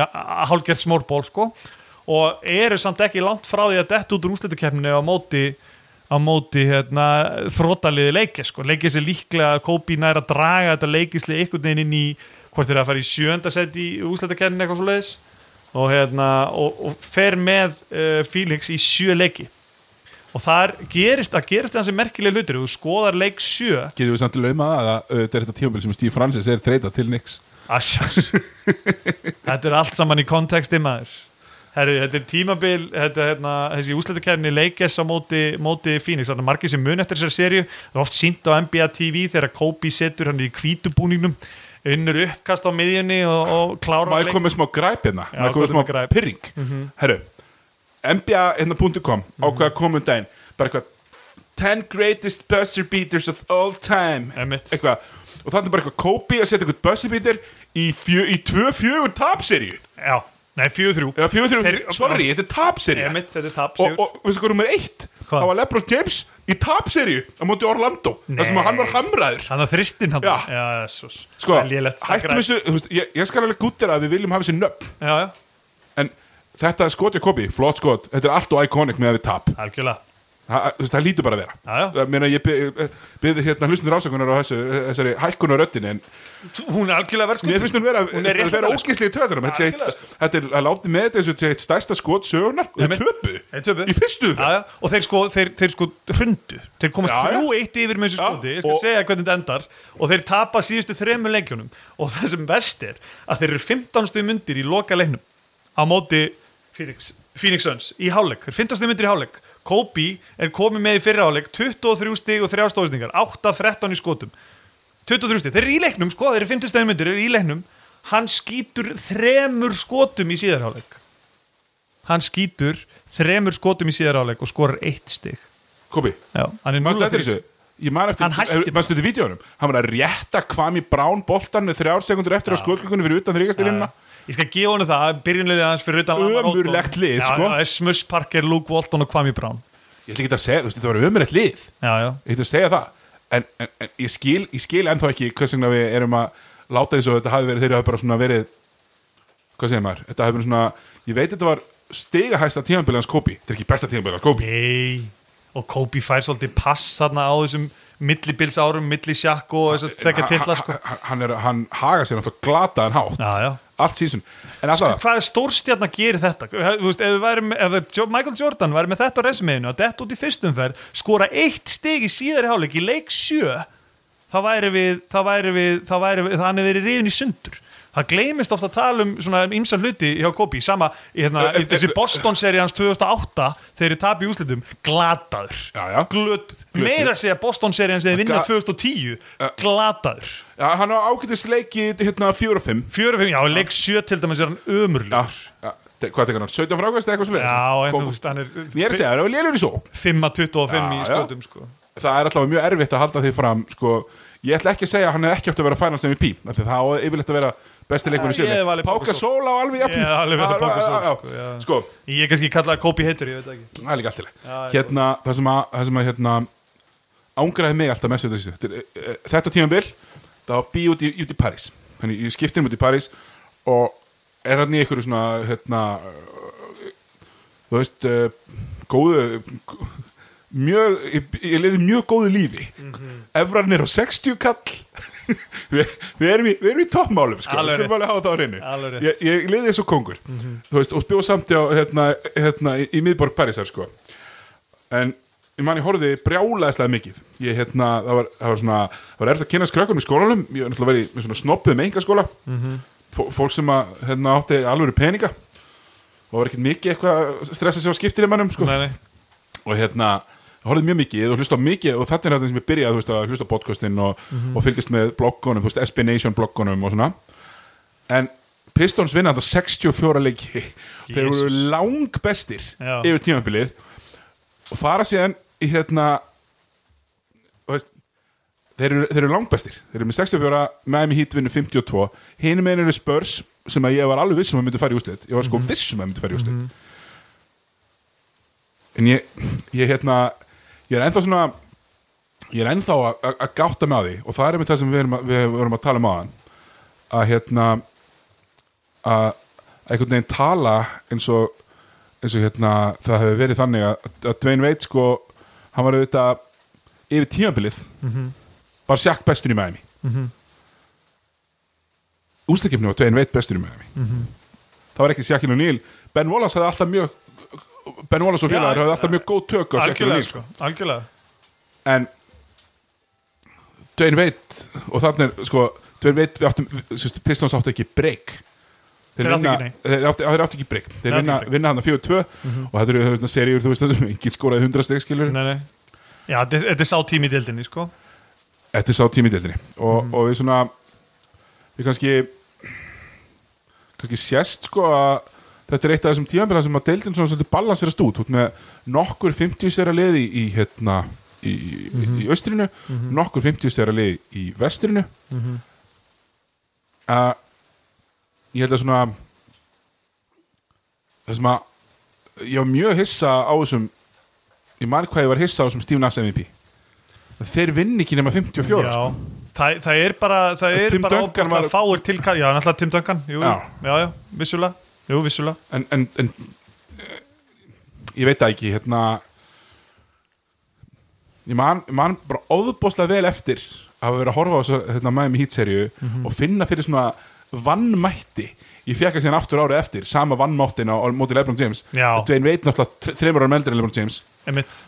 og hann, hann, er, hann, er, hann er klár hann já, hann er klár, hann mætir og þeir eru ekki séns Nei, nei. Rip Hamilton á ekki séns Nei. Johnson Billups á ekki séns og þetta er, þú veist, þetta er frábært pilsonslið Áttu ekki breyk. Átti ekki breyk 4-2 tap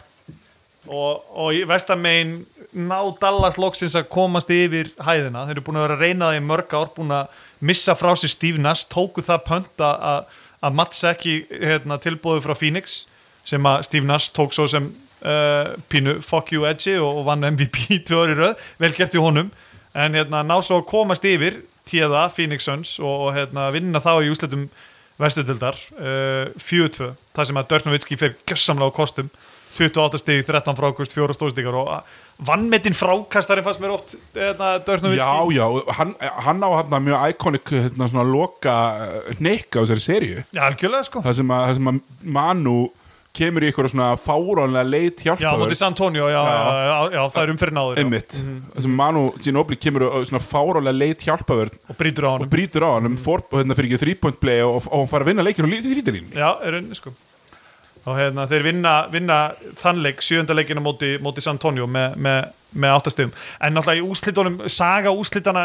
endar svolítið náttúrulega alltaf í þessu Tim Donahey leðilega máli skilur við, og það er náttúrulega sumarið áður en að það allt saman kemur fram, Tim Donahey var þessi dómari sem að var hérna, ég er ennþá vinur hans á Facebook ég, Donahue? ég adda hann, hann er ennþá að tala um þetta sko. tók hann, tók í alvegni hann er djúpur en þá ég, já, þetta hafi ekki verið satt eða hvað, nei, hann er búin að viðkynna Hann viðurkenndi allt, ok. en hann hérna en hann, hann er ósáttur við að hafa ekki fleiri verið dregnir inn í þetta ég skilji, hann hefur ekki verið svo eini En-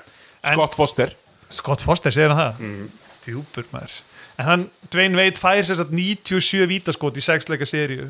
sem að er að sjálfsögðu met í, í úslitunum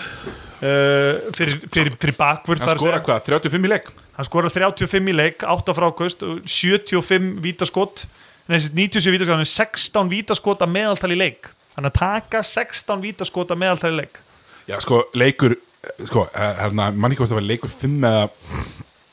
þú getur fundið þetta á YouTube sko, Já. þetta er galið að sjá ég sem hann man, sem ég vitum sko. man ekki sko, hvort það var leikur 5 eða leikur sem er 6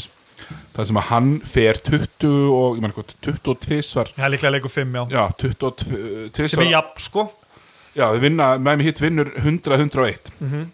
hann er 25 sinnum á ídalinu já, og allan setni hálfleikin Mhm. það var alveg sama hann, var að, hann var að taka hérna gæjan sem að hoppar og snýr sko baki Mhm. Já. og kastar hann upp í lofti og það var Já. alltaf á línum, ég hef aldrei séð svona Þetta er rosalegt Og það, var, það er ekki komin nefnilega svona fál strónið inn sko, en ég veit ekki alveg hversu margar villur þetta voru nákvæmlega sem hann dró sko, en þetta eru all- við getum allavega sagt okkur, þetta eru allavega 12 villur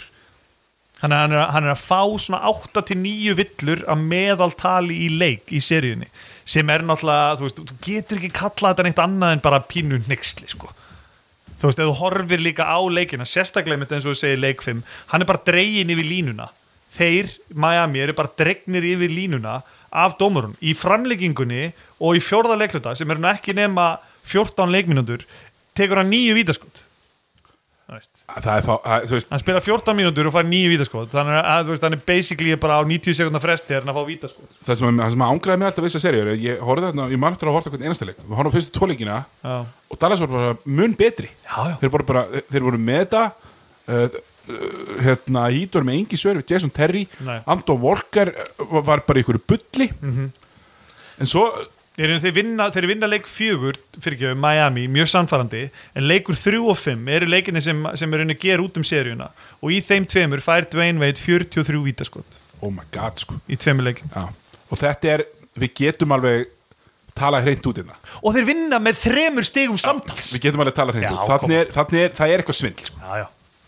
við, Og þú veist, og við, þú við getur tökum allavega þetta ekki af dvein veit þannig Nei, alls ekki, og þú En- getur, en, þú ekki taka þetta þá af ekki setja þetta á dörfnum vitski Nei. en það var gert, Það var fokkin gert en, en þetta er alltaf gert hörður Já, ég veit, þú ert tjóker þannig til þú vinnur algjörlega þú ert tjóker og Guðsjó og lofa svo, hann náður vinnur, loksins að já, klára svo hana. vinnur einu sinni menn að hugsa um James Harden Hvað, ef James Harden er aldrei að vinna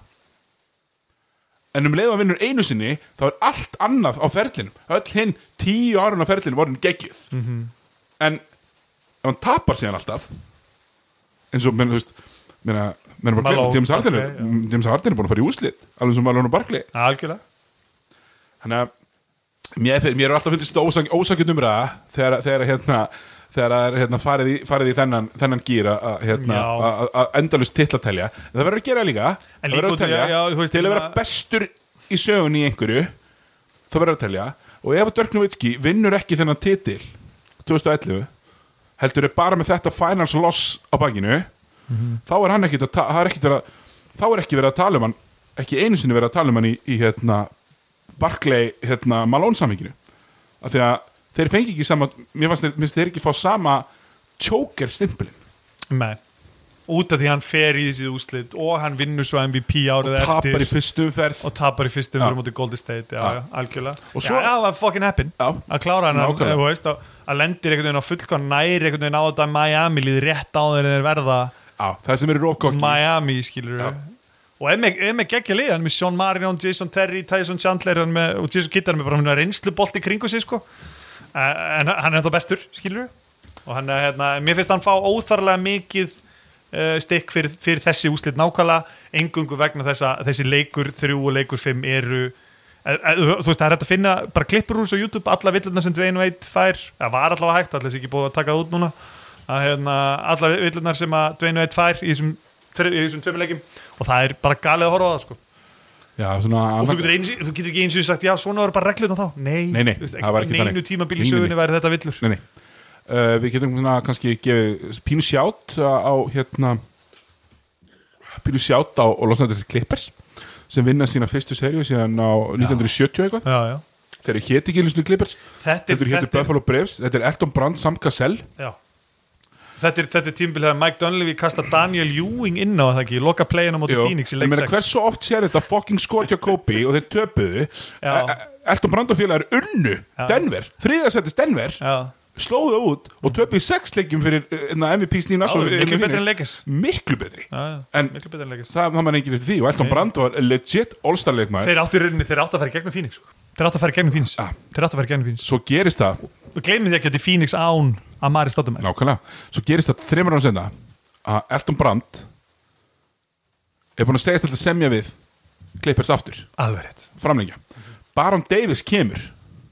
Ready to go ready to go semur daginn eftir Elton Brand farinn Skrítin ferið rosalega skrítið sko og mann Baron, Da- Baron Davis hefur talað um þetta hann var brjálaður Já, ég sko. trúi því þeir eru búin að ræða saman, þeir ætluðu að vera með lið sko. Einmitt. og, og le- þú veist late two, hérna, svona early 2010 hérna, Einmitt. Elton Brand og Baron Davis flott lið, Eldon Brand píkaði þetta tímbil, klála uh, Hans best tímbil,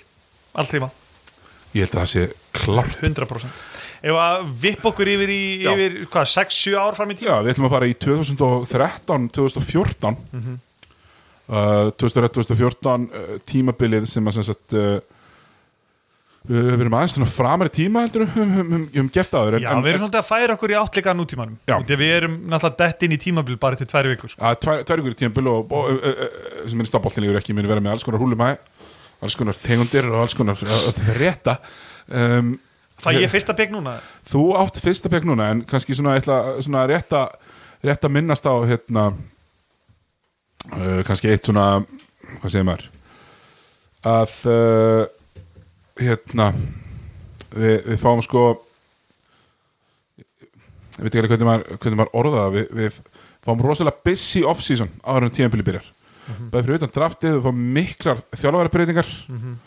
fáum miklar þjálfarbreytingar hérna og svona það er, þannig erum við komin svolítið svona djúft í og mér finnst, mér finnst, mér finnst við komin í óbúslega mikil gæði í deildinni Já, þú ert í rauninni með allar þínar stærstu stjörnur sem að koma inn í dildina á árunum 2003-2007-2008 Þeir eru allir að píka Þeir eru allir að komast nálgast rítu Þú ert með, hérna,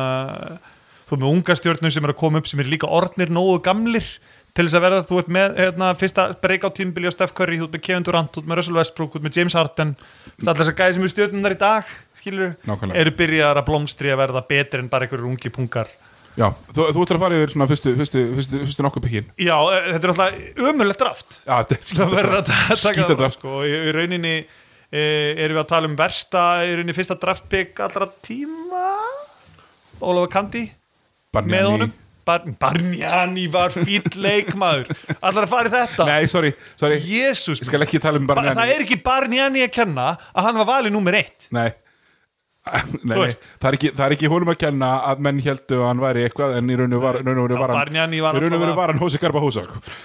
Já, já, ég ætlar að byrja að gorfa hósa líka en, uh, Það var engin verri heldur en Akir Anthony Tóttó. Það var engin verri heldur en Anthony Bennett sem að Nei, spilaði þetta er rétt. fjögur að spilaði 151 leik í deildinni, skoraði 4,4 stig Kwame. Var aldrei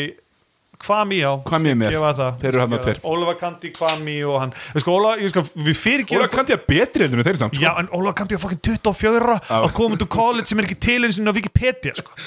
Farin á Wikipedia, þú finnur ekki college hans. Ey. Það er bara rautt, þú sér bara það á- svo ég laumi, laumi því að, að núna náttúrulega var það að gerast að, að hérna hann, hann að uh, Maker Maker Já, já. þó- hann já. er komin í Howard University sem er einn af þessum hann er- sem er svona hérna, svartur háskóli Já, og, og, og hérna, hann er búin að koma eitt að þangað og hann verður samt sennilega nummer eitt á næsta ári það er stórt það er mjög stort eins og hann, hann er stór já, að fucking fucking huge en já, þú ert on Ég er on, eh, Þetta er mjög einfalt pick Eh, bara förum við í fyrstu pickin, Anthony Bennett já, er valin nummer eitt að Cleveland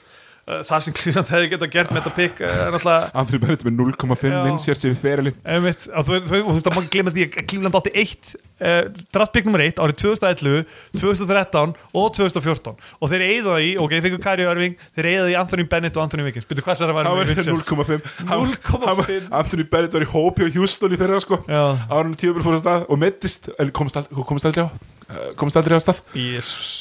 Kall greið maður, hvað er hann að spila núna? Hann er í AC Clippers er hann, í, hann, Hann er er í G-League já.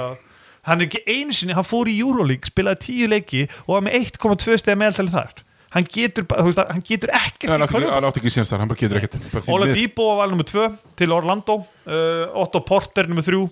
Cody Seller nummer 4 já þið heyri hvað er að gerast þetta Alex Lenn nummer 5 Nernes Noel þetta er daburt sko já Nernes Noel fór til Philadelphia treyta frá, frá Pelicans uh, já, þeir eru Jerry Holiday já, fyrir Drew Holiday já.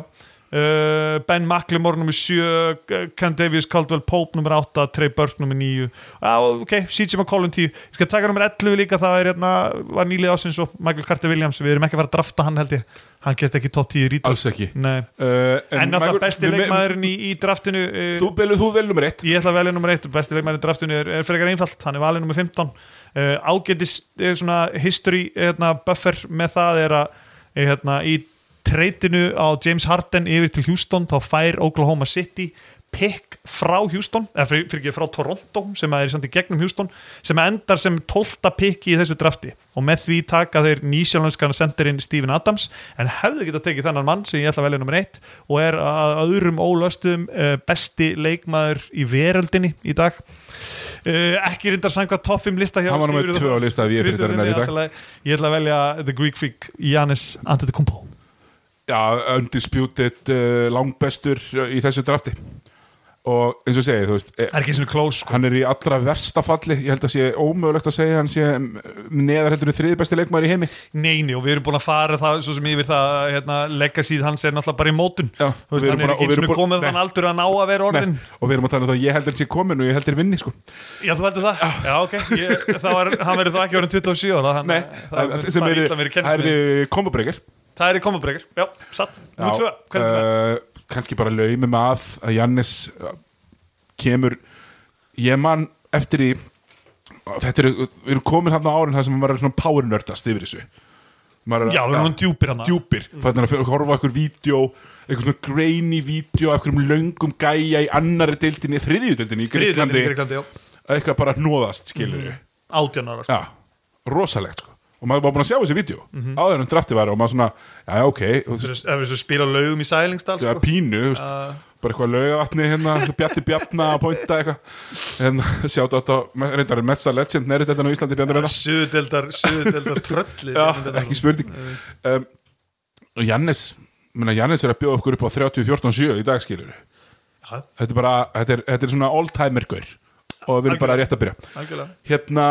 mér finnst uh, valnum með 2 líka skýt í sig Það uh, er skítið sér, Rúti Kupert, Já, já. ennum með 2 100% uh, Vardamar Rássus, tvisvar Já. eh, uh, Búið að erfiðir síðustu mánuðir Pacing Zero Já, í deildinni já uh, Mér finnst Já, ég hann- meina besti, besti vartasendur í dildin í Mér dag finnst hann gríðarlega varmyndi sóknarlega af því að hann, hann rúlar óbáslega stert Já. neyðir veikuhliðina til að falla inn Já. sem gerir það verkum að þessir gaurar sem er í Júta sem eru ekkert eitthvað merkilegar hotn þryggistæðskettur eru allavega það galopnið þegar þeir fá, fá þessi skot Fyrir utan okkar mann Jingles Já, t- ná, já sem gefið djengul sko mm -hmm. Ég er reyndar yfirlýst í- Mhm. fáir betri hotskot menn Ég er sammála og, ég er í, ég, og hann færi þessi skot svona opinn að því að Rúti Gobert rúlar fast og rúlar hart vel gert Þannig að Rúti Gobert uh, auglust nummer 2 fannst mér Númer þrjú uh,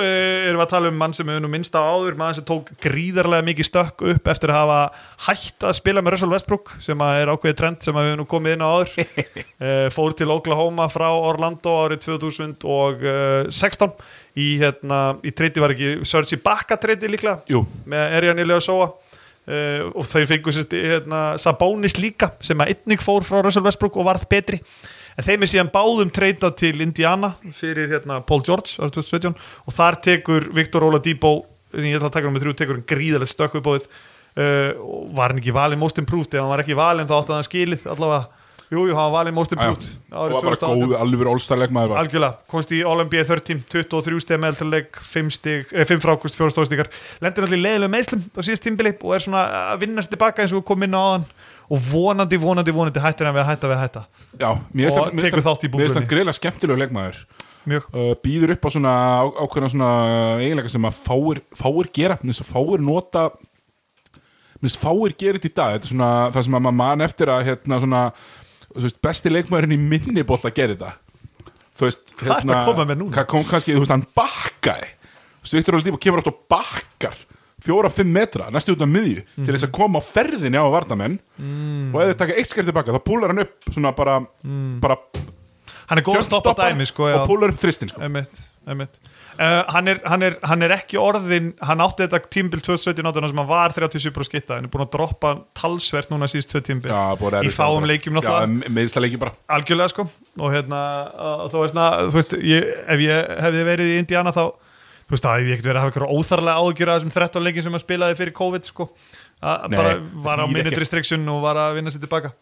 þannig að hérna b- já, Viktor Oldibó nokkuð örugt pikk nummer þrjú Já, ég er svona pínu distraktið að því að það er tjötnind í garðinum og ég sé að fokking sílamáðurinn er mættur sko nei, og hann, hann, það voru sjö fiskar í tjötnin í gæra það er bara sex í dag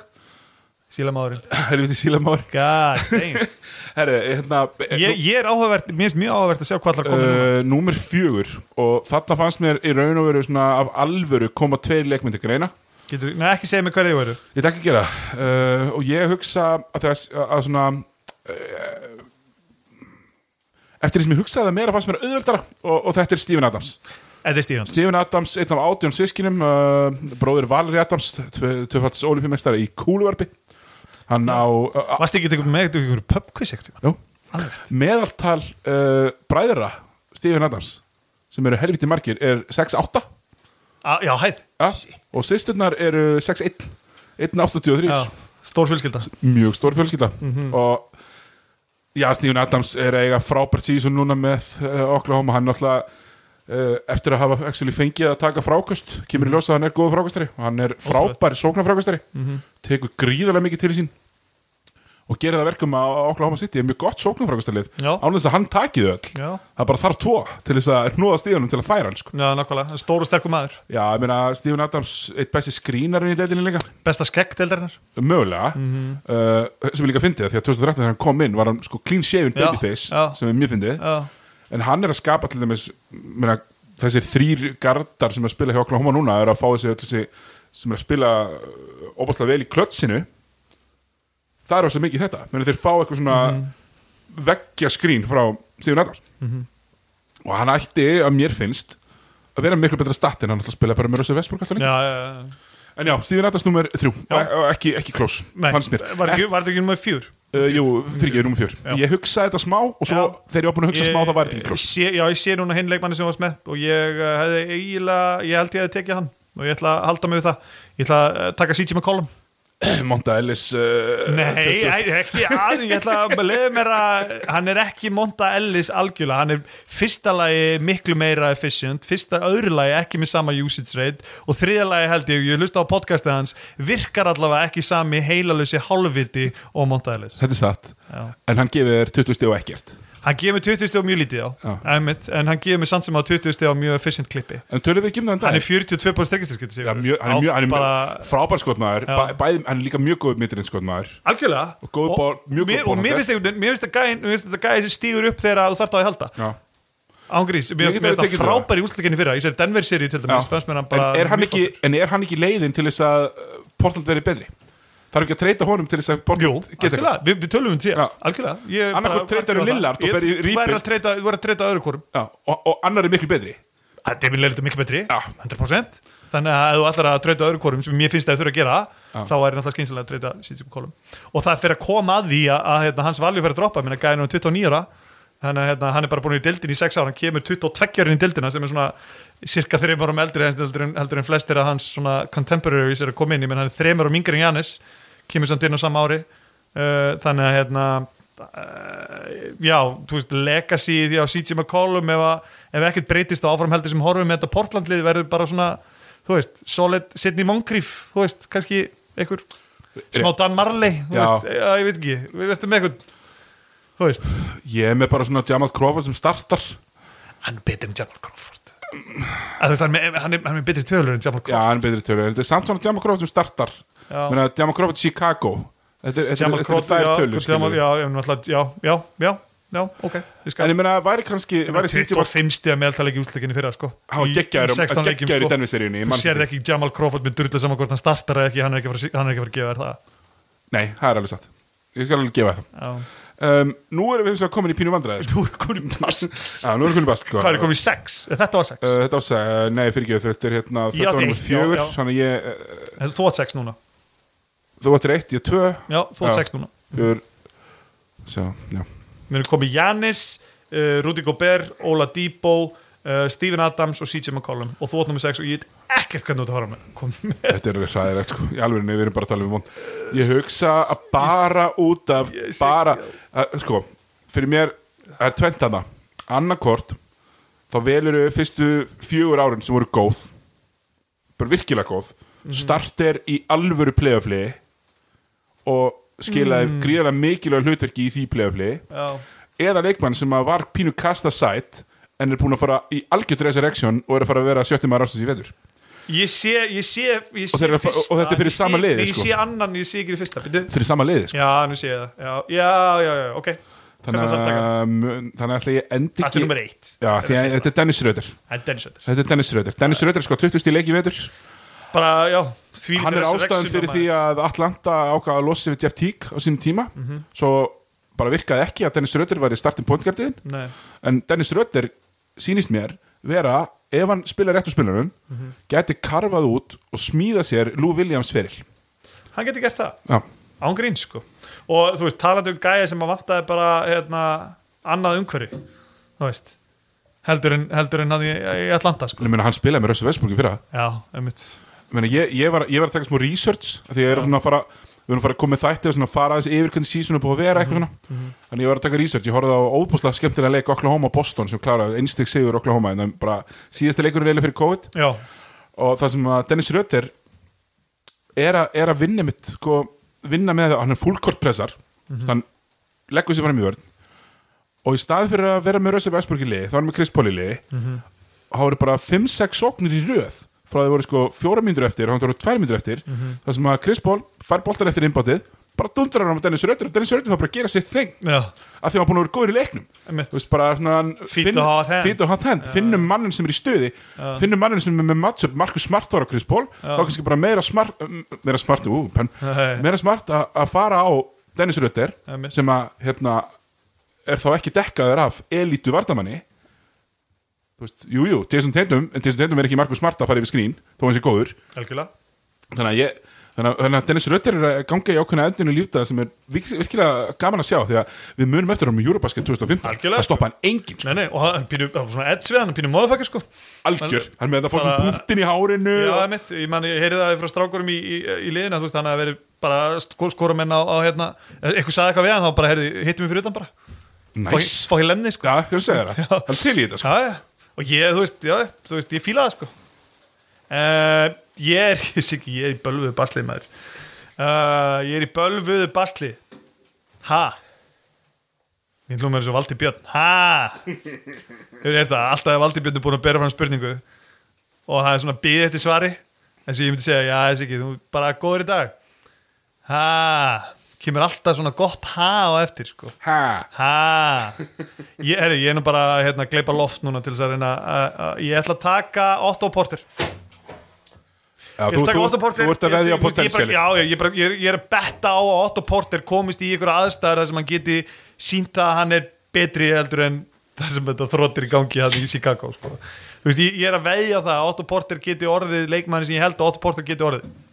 Þú veist, gæðin er, hann er, hann er 40 brúst tryggasteyskita hann er, hérna, hann er fínast, fínasti frákastari vannmendi frákastari, finnst mér hann fær ekkert hlutverk að færi ekkert fókin hlutur neins það sem að fer út, hann er bara að vera ykkur þróta hann er bara í Washington og Chicago mér finnst, mér finnst hann vera hérna, komin í svona, hérna, pínu svona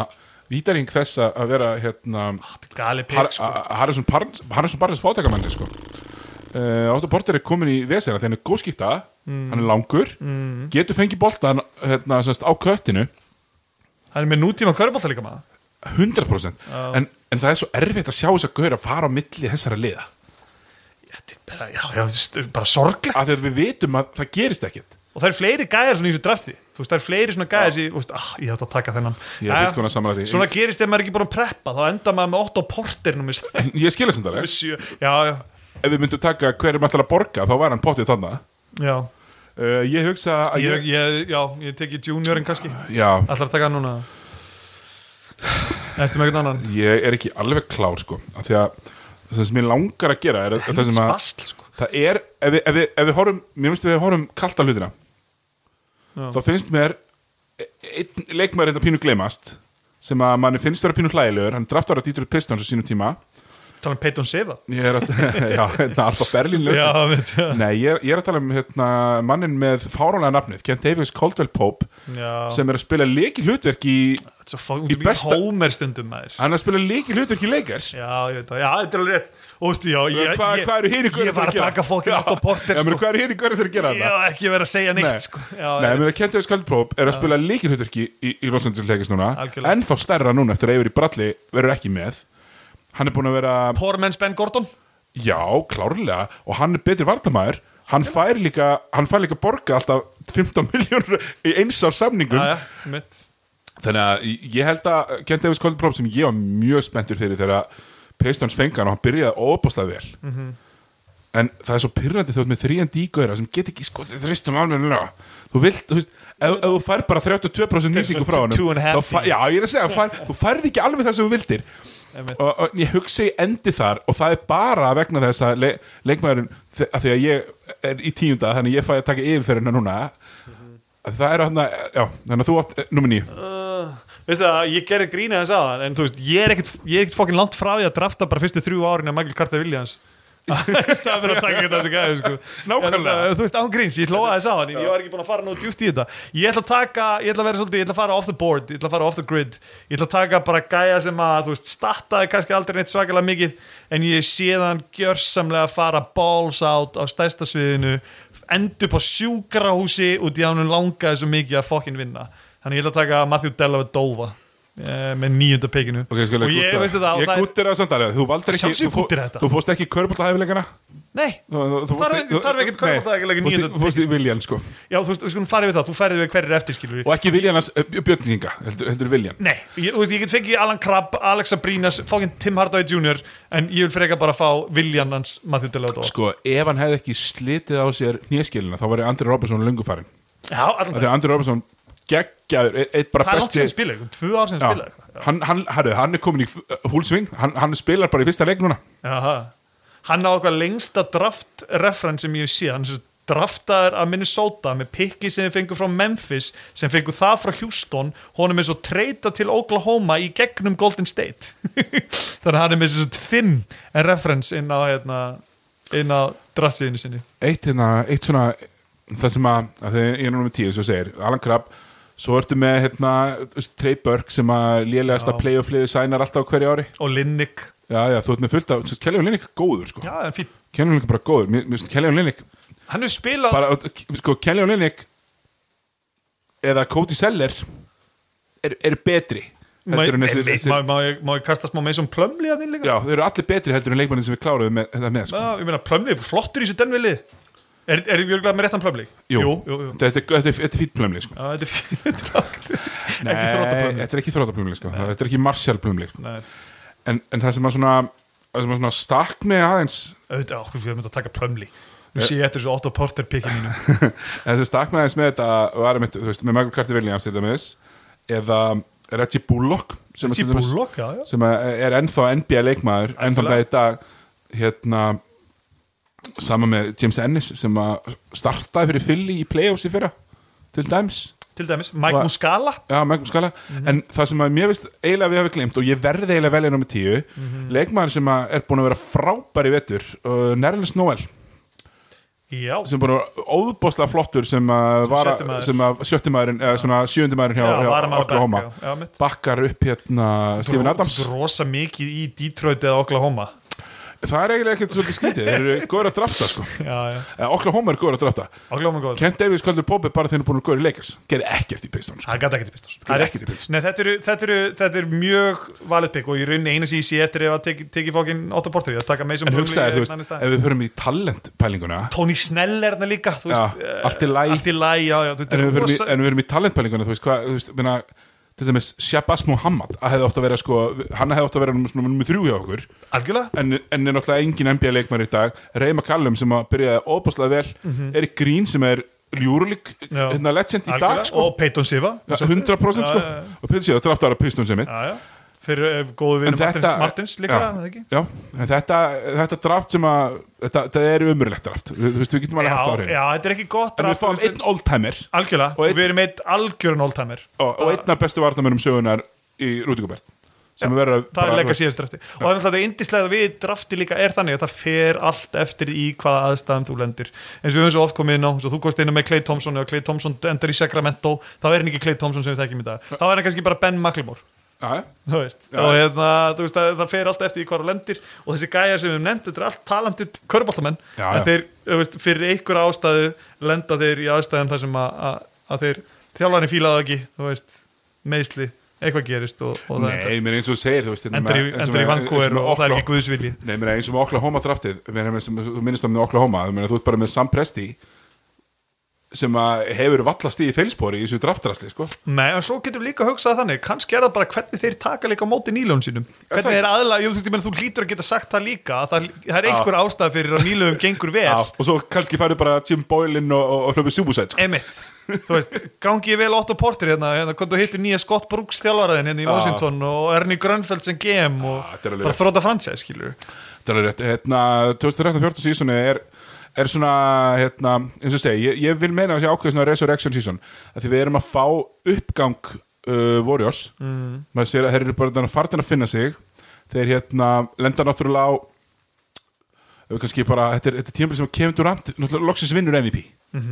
Og við fáum You're the Real MVP hérna, sem er sennilega, ef við segja, mest nota NBA kvoti fyrir utan I'm taking my talents to eitthvað You the real MVP, já, þannig að líka, mér finnst að- mér finnst að ég hefur hort á allar það sem hann segir frábæra ég bara geggjur að- ég, Tekur hérna- ah, mann, ég horfði á hann, Já. veist, ég táraði staðins ja, tók þetta moment um röss Já. þú veist, er búin að tala um alla Einmitt. og lokar einhvern veginn á röss lokar á mömmu sinni já, já, og talar um rössi vesprúk já, já, já, í lokin, já, já, Ah, já, já. Og, og, og allir eru bara wow Einmitt. það var geggjur aða, Mm. sko og segir sko hérna, even though, even though we were hungry Já. you never ate no, you, no, even though you were hungry, you never ate you made sure we ate, you the real MVP Já. þetta er geggjur aða geggjur að já. já, líklega mest nota, nota hérna, NBA kvot sögunar, ekki frá því en hérna, þa það sem náttúrulega mér alltaf, þessi, minn, þessi maður, ég man alltaf eftir að þessi tímbili er því miður er, er tjóki hjá, hjá þínum mönnum í Klippes í Ísland, í já, Vestan þeir tapa hana, þeir tapa hana leik 5 uh, leik 5 sem að í þeir Oklahoma Mhm. hefði getað komist uh, 30 yfir í, og hérna eru, eru betri í þeim leik og það sem að, það sem að mér varst alltaf svolítið svona sem ég komið inn á hérna eitt sem mér varst pínu fyndið og svolítið svona svekkjandi er að náttúrulega uh, minn maður Chris Paul hefur alltaf verið svona skrefin á undan sem hefur bæði reynstunum vel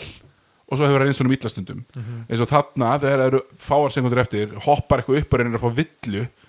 í staðin fyrir að fá bara villu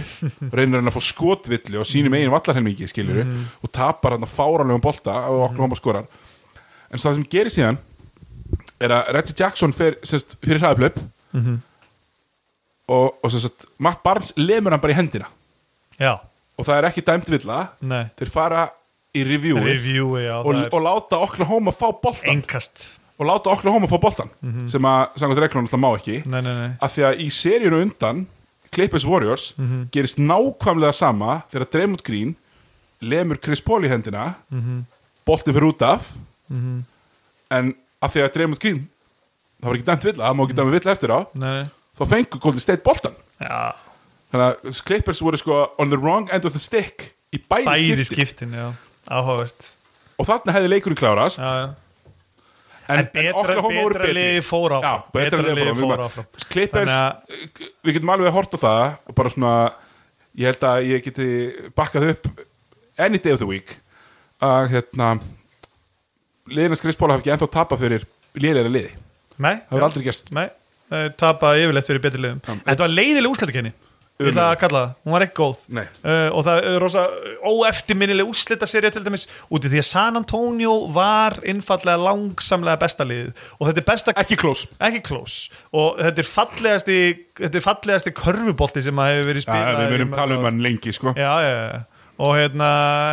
sóknarkerri sem að sitja út hann er, hann er bara með óeingjarna körfuboltamenn í liðinu Greg Popovich sem er Maður óbúst að sjaldan- þægilegt sko Meni, maður, hor- ég, horfði- ég hef alveg hort á svip í úslitum Já,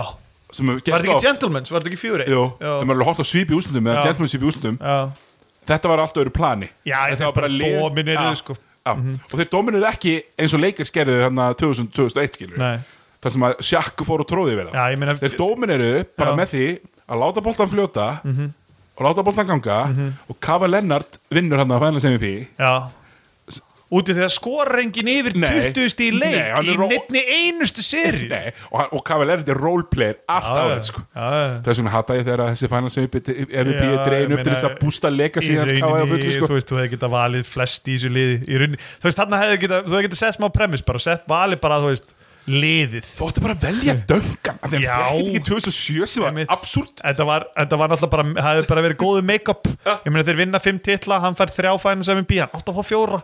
Þú veist Þannig að hérna, það hefði verið fínt make-up fyrir þetta 2007 þrótt sko. En uh, þessi seri að þeir vinna sko, með stærsta margin of victory af öllum uh, finalsliðum Svo Leikina sem þeir vinna, vinna þeir með 15 stigum, 19 stigum, 21 stigum og 17 stigum, stigum segi. ég. Þeir tap einu leik með tveimur stigum í San Antonio, leik 2, þar sem að Lebron fyrir á kostum En hínum leikjunum er þetta ekki close Þetta voru aldrei leikir Nefna þessi leiku tvö sig Nei, Leikir að þessi þið- San Antonio vann voru bara, þú veist, þetta var bara dominans Allir, Út í nöfn, gegn. allir nöfnin sem að maður fær kannski svona pínu svona eins og MEP kostningunni Blake Griffin nummer þrjú Chris Já. Paul alltaf meiðist í 40 leiki eða eitthvað Já, og Blake Griffin hendi bara í þessu 28, 9, 15 Já þessi, tvö, þessi tvö ár sem að Blake Griffin er actually bara einn af tíu bestu leiknum Já. deildarinnar sko. sem að var bara, hann var geggar mjög góður. Michael Williams eins og segir, rúkja því er uh, Joakim Noah var í fjóraðsæti, MVP Já, þetta er hans tímabil, já. hann var vartamar ársins hann og er í first team Já, hann er í first team hann er, hann, hann er alltaf, það eru þrýr sendirar 1, 2 og 3 í defensive player því er Joakim Noah, Roy Hibbert sem að Já. náttúrulega týndist síðan í, í, í sögunni en Miami Heat alltaf lendi í vandræðum tvö ári röð í playoffs á móti Indiana Já, Paul Þeir- George þeir og Roy gera Hibbert Indiana og þeir lendi ekki í vandræðum út af Paul George þeir lendi í vandræðum út af Roy Hibbert Já, meira árið áður en samt sem Já, af að því líka Mhm. að 2012 er sett þarna verticality reglan Já, passar Þannig það að- sem, að, það sem að hringurinn hættir að gilda eða þetta Algjörlega. hoppa beint upp sko algjörlega sko og ég meina þetta, hérna, þetta, þetta er líka þetta er á þessu tímabili þar sem að það er svo erfitt að finna einhverja sendera sem eru eiga þess, eiga þess skýr það er engin dominant sendera lengur í deildinu á þessu tímabilum Nei, farið það er bara búið þannig að þú, þú döndalast þú Joel Embiid er ekki kominn Rudy Gobert er náttúrulega bara nýlið hana þannig að þú ert, með, þú ert ekki með neina í rauninni svona dominant sóknarsendara þú sést líka í, í first, second og third þá ertu með, með þér hana Joakim Noah washed up Dwight Howard í Houston eða þú veist, ágetan Dwight Howard í Houston Æ, þú veist, Já, já. 16 og 13 já, eitthvað mitt, já, og Al Jefferson Þú veist, þetta eru, Já, þetta eru að Jameson tala er um- 8. seti MVP já, þú ert að tala um þri- þetta eru þrý bestu stórum en deildarinnar sko. Þú veist, sem er, þú veist þannig þannig er bara leikurinn að breytast fattur, Já, deildin er að mér fara varst- frá því að vera Þessi, mér varst eitt að svona, svona, svona, svona lína, læna þetta upp fyrir mig var, var hérna þetta, þetta, þessi þrenna af hérna Goran Dragic uh, hérna, st- hérna var Goran Dragic, Erik Bledsoe og svo var Isaiah Thomas að koma að bekknum mm. Hmm. og þeir unnu, þetta fíningslið vinnu 48 leiki og, og óefnir að komast ekki Alveg rétt, í playoffs alveg rétt. uh, Goran Dragic er all NBA third team Hann kemur í og third most, teamið. impre- most improved player já, first teamið í þessu á þessu ári lítur að vera Donald Lebron hvað? Harden og Paul Hardunapól með Joakim Noah já, Svo ertu með Griffin og Love uh, Blake Love og hérna Curry og Parker, Curry er komin hann í second team já, þannig curry þannig erum við að fá breakout Ascension tímabilið hans. curry Já, sko. já, já, svo nefnir já. bí árið eftir Já, það er enda breakout tími, hann er alltaf breakout í rauninni í úrslitakemni árið áður þegar þeir, hérna, þegar þeir slá út Denver í já, fyrstu og umferð Andri ykkur dala fyrir henni í klefa og svo er hann komin í liði árið eftir já, með, já, einmitt. nákvæmlega. og hérna og svo eh, og gefa, Ég gefa, elska drama, sko. og gefa spörsirinn í seri já, gefa spörseríu og svo Já. gefa klippið seríu árið eftir algjörlega sko þannig að en þetta tímbil uh, verður náttúrulega þú veist, minnst, minnst fyrir það, ég veit ekki þú veist, þetta er náttúrulega bara, þetta er síðasti Santónu titillin og er síðasti Santónu titillin sem við munum sjá, eflust í einhver tíma sko, þetta er náttúrulega Já, já. endurinn á þessu, á þessu, þri, á þessu þrí höfða skrimsli algjörlega, sem að vinnur fyrsta titillin já, fjórhöða með, með Greg Popovich Já, já, með Popovich já, og R.C. Buford eh, kannski líka, Já. sem að vinnur einmitt executive of the year, já Og gefa honum, hérna- gefa honum, ég er sammála því gefa honum Fimm- kredit fimm höfða skrimsli Já. og hérna og þú veist, og, og þarna voru þeir náttúrulega bara á algjöru og það er reynd- þú veist, það er búið að afskrifa þá það er búið að afskrifa þá í svona sex ári röð, sko, menn þeir vinna til 2007 og svo Já. eru þeir eiginlega svona semi-relevant þá til 2013 þeir komast í úslitin, já, átt að vinna 2013 líka, Já. sorry já, já, þeir átt að vinna 2013, þeir voru betra liðið í úslitum og það Já. er bara í rauninni smá blöndur hjá, já, já, þú veist, ok, þú veist, Popovich hann hefði getið verið með Tim Duncan eða eitthvað Patti, frákastur Patti, inn á- Patti, Patti eitt Rétt hérna. sóknarfrákast Eitt hérna, ef Kava Lennart vinnur ekki titilið með tónáttu fyrir það Já. og hann fær ekki hann, finnst mér eh, se- sem ég óveri skuldað að fæna sem ég pí þá væri hans legacy, þú klikkar úr ví- öllum vítunum hann í lokin og tapar fæls Passar 2013 Var ekki Ginobili, Ginobili klikkaði inn allavega þess vegna elskum við þessi íþrótt Mar Já. marginin eru svo Þetta er lítið Svo aðbúrslega lítil Martins maður Já, ég meina, þú veist, hérna, hérna það, var, það var eitthvað tvítum daginn, hérna, lístu þínu besta afriki í ykkur á sem leiðilegast hann hátt og hérna Chris Boss skrifaði grabbed a rebound and passed it out to the three point line klassir, eins og átt að Mjög gera gott, sko, eins og hann átt að gera geggja frákast, geggja sending og náttúrulega frábær skot í realin en 2014 titillin var pínu og þú veist það voru ekkert allir sem höfðu trúað því að samt Antonio gæti líka komið tilbaka eftir þessi vombriði árið áður og hann að hérna, mér finnst það svolítið vera stærsta legacy en þessi úslitakenni var eins og ég segi ekkert sérstaklega spennandi nei, ég meina, ég, austamein, ég man ekkert eftir þessum austuserjum sko. sko Indiana vinnur Indiana vinnur Washington í sex leikjum Þú veist, að- hvað er að gerast þrótt, sko að, nákvæmlega Í sko semifinals sko. að, þetta var, þetta var tíðabili hjá spörs þeir voru langbestir, 100% ekki Jú. og reyðir eftir tapið árið á þér algjörlega Já, ég hugsa að við sláum bottin hérna uh, Bottin líður ekki hérna, þakkar herrið umsynsinni klærlega fyrir komuna Við ætla að hérna, svona bara segja núna svo ég segja þau upp átt að við ætlum að reyna að halda herðið þrátt fyrir aðrar eh, skuldbindningar en haldurum hérna, í NBA hluta Bottin líður ekki hérna, í vetur Það reynum, eh, reynum okkar við förum á stað eftir tvær vikur og, og fylgist endilega með hérna á, á, á hérna, tvitirnum og hjá- hjá viðfréttinni og, og, og hérna á, á Karapunduris það verður svona við við- við munum ranka ímislegt á næstu, næstu vikum reynum að verðum eitthvað húlumæði eftir helgi en annars þá þakka bara fyrir ykkur Takk fyrir mig. Takk fyrir bara kjærlega fyrir okkur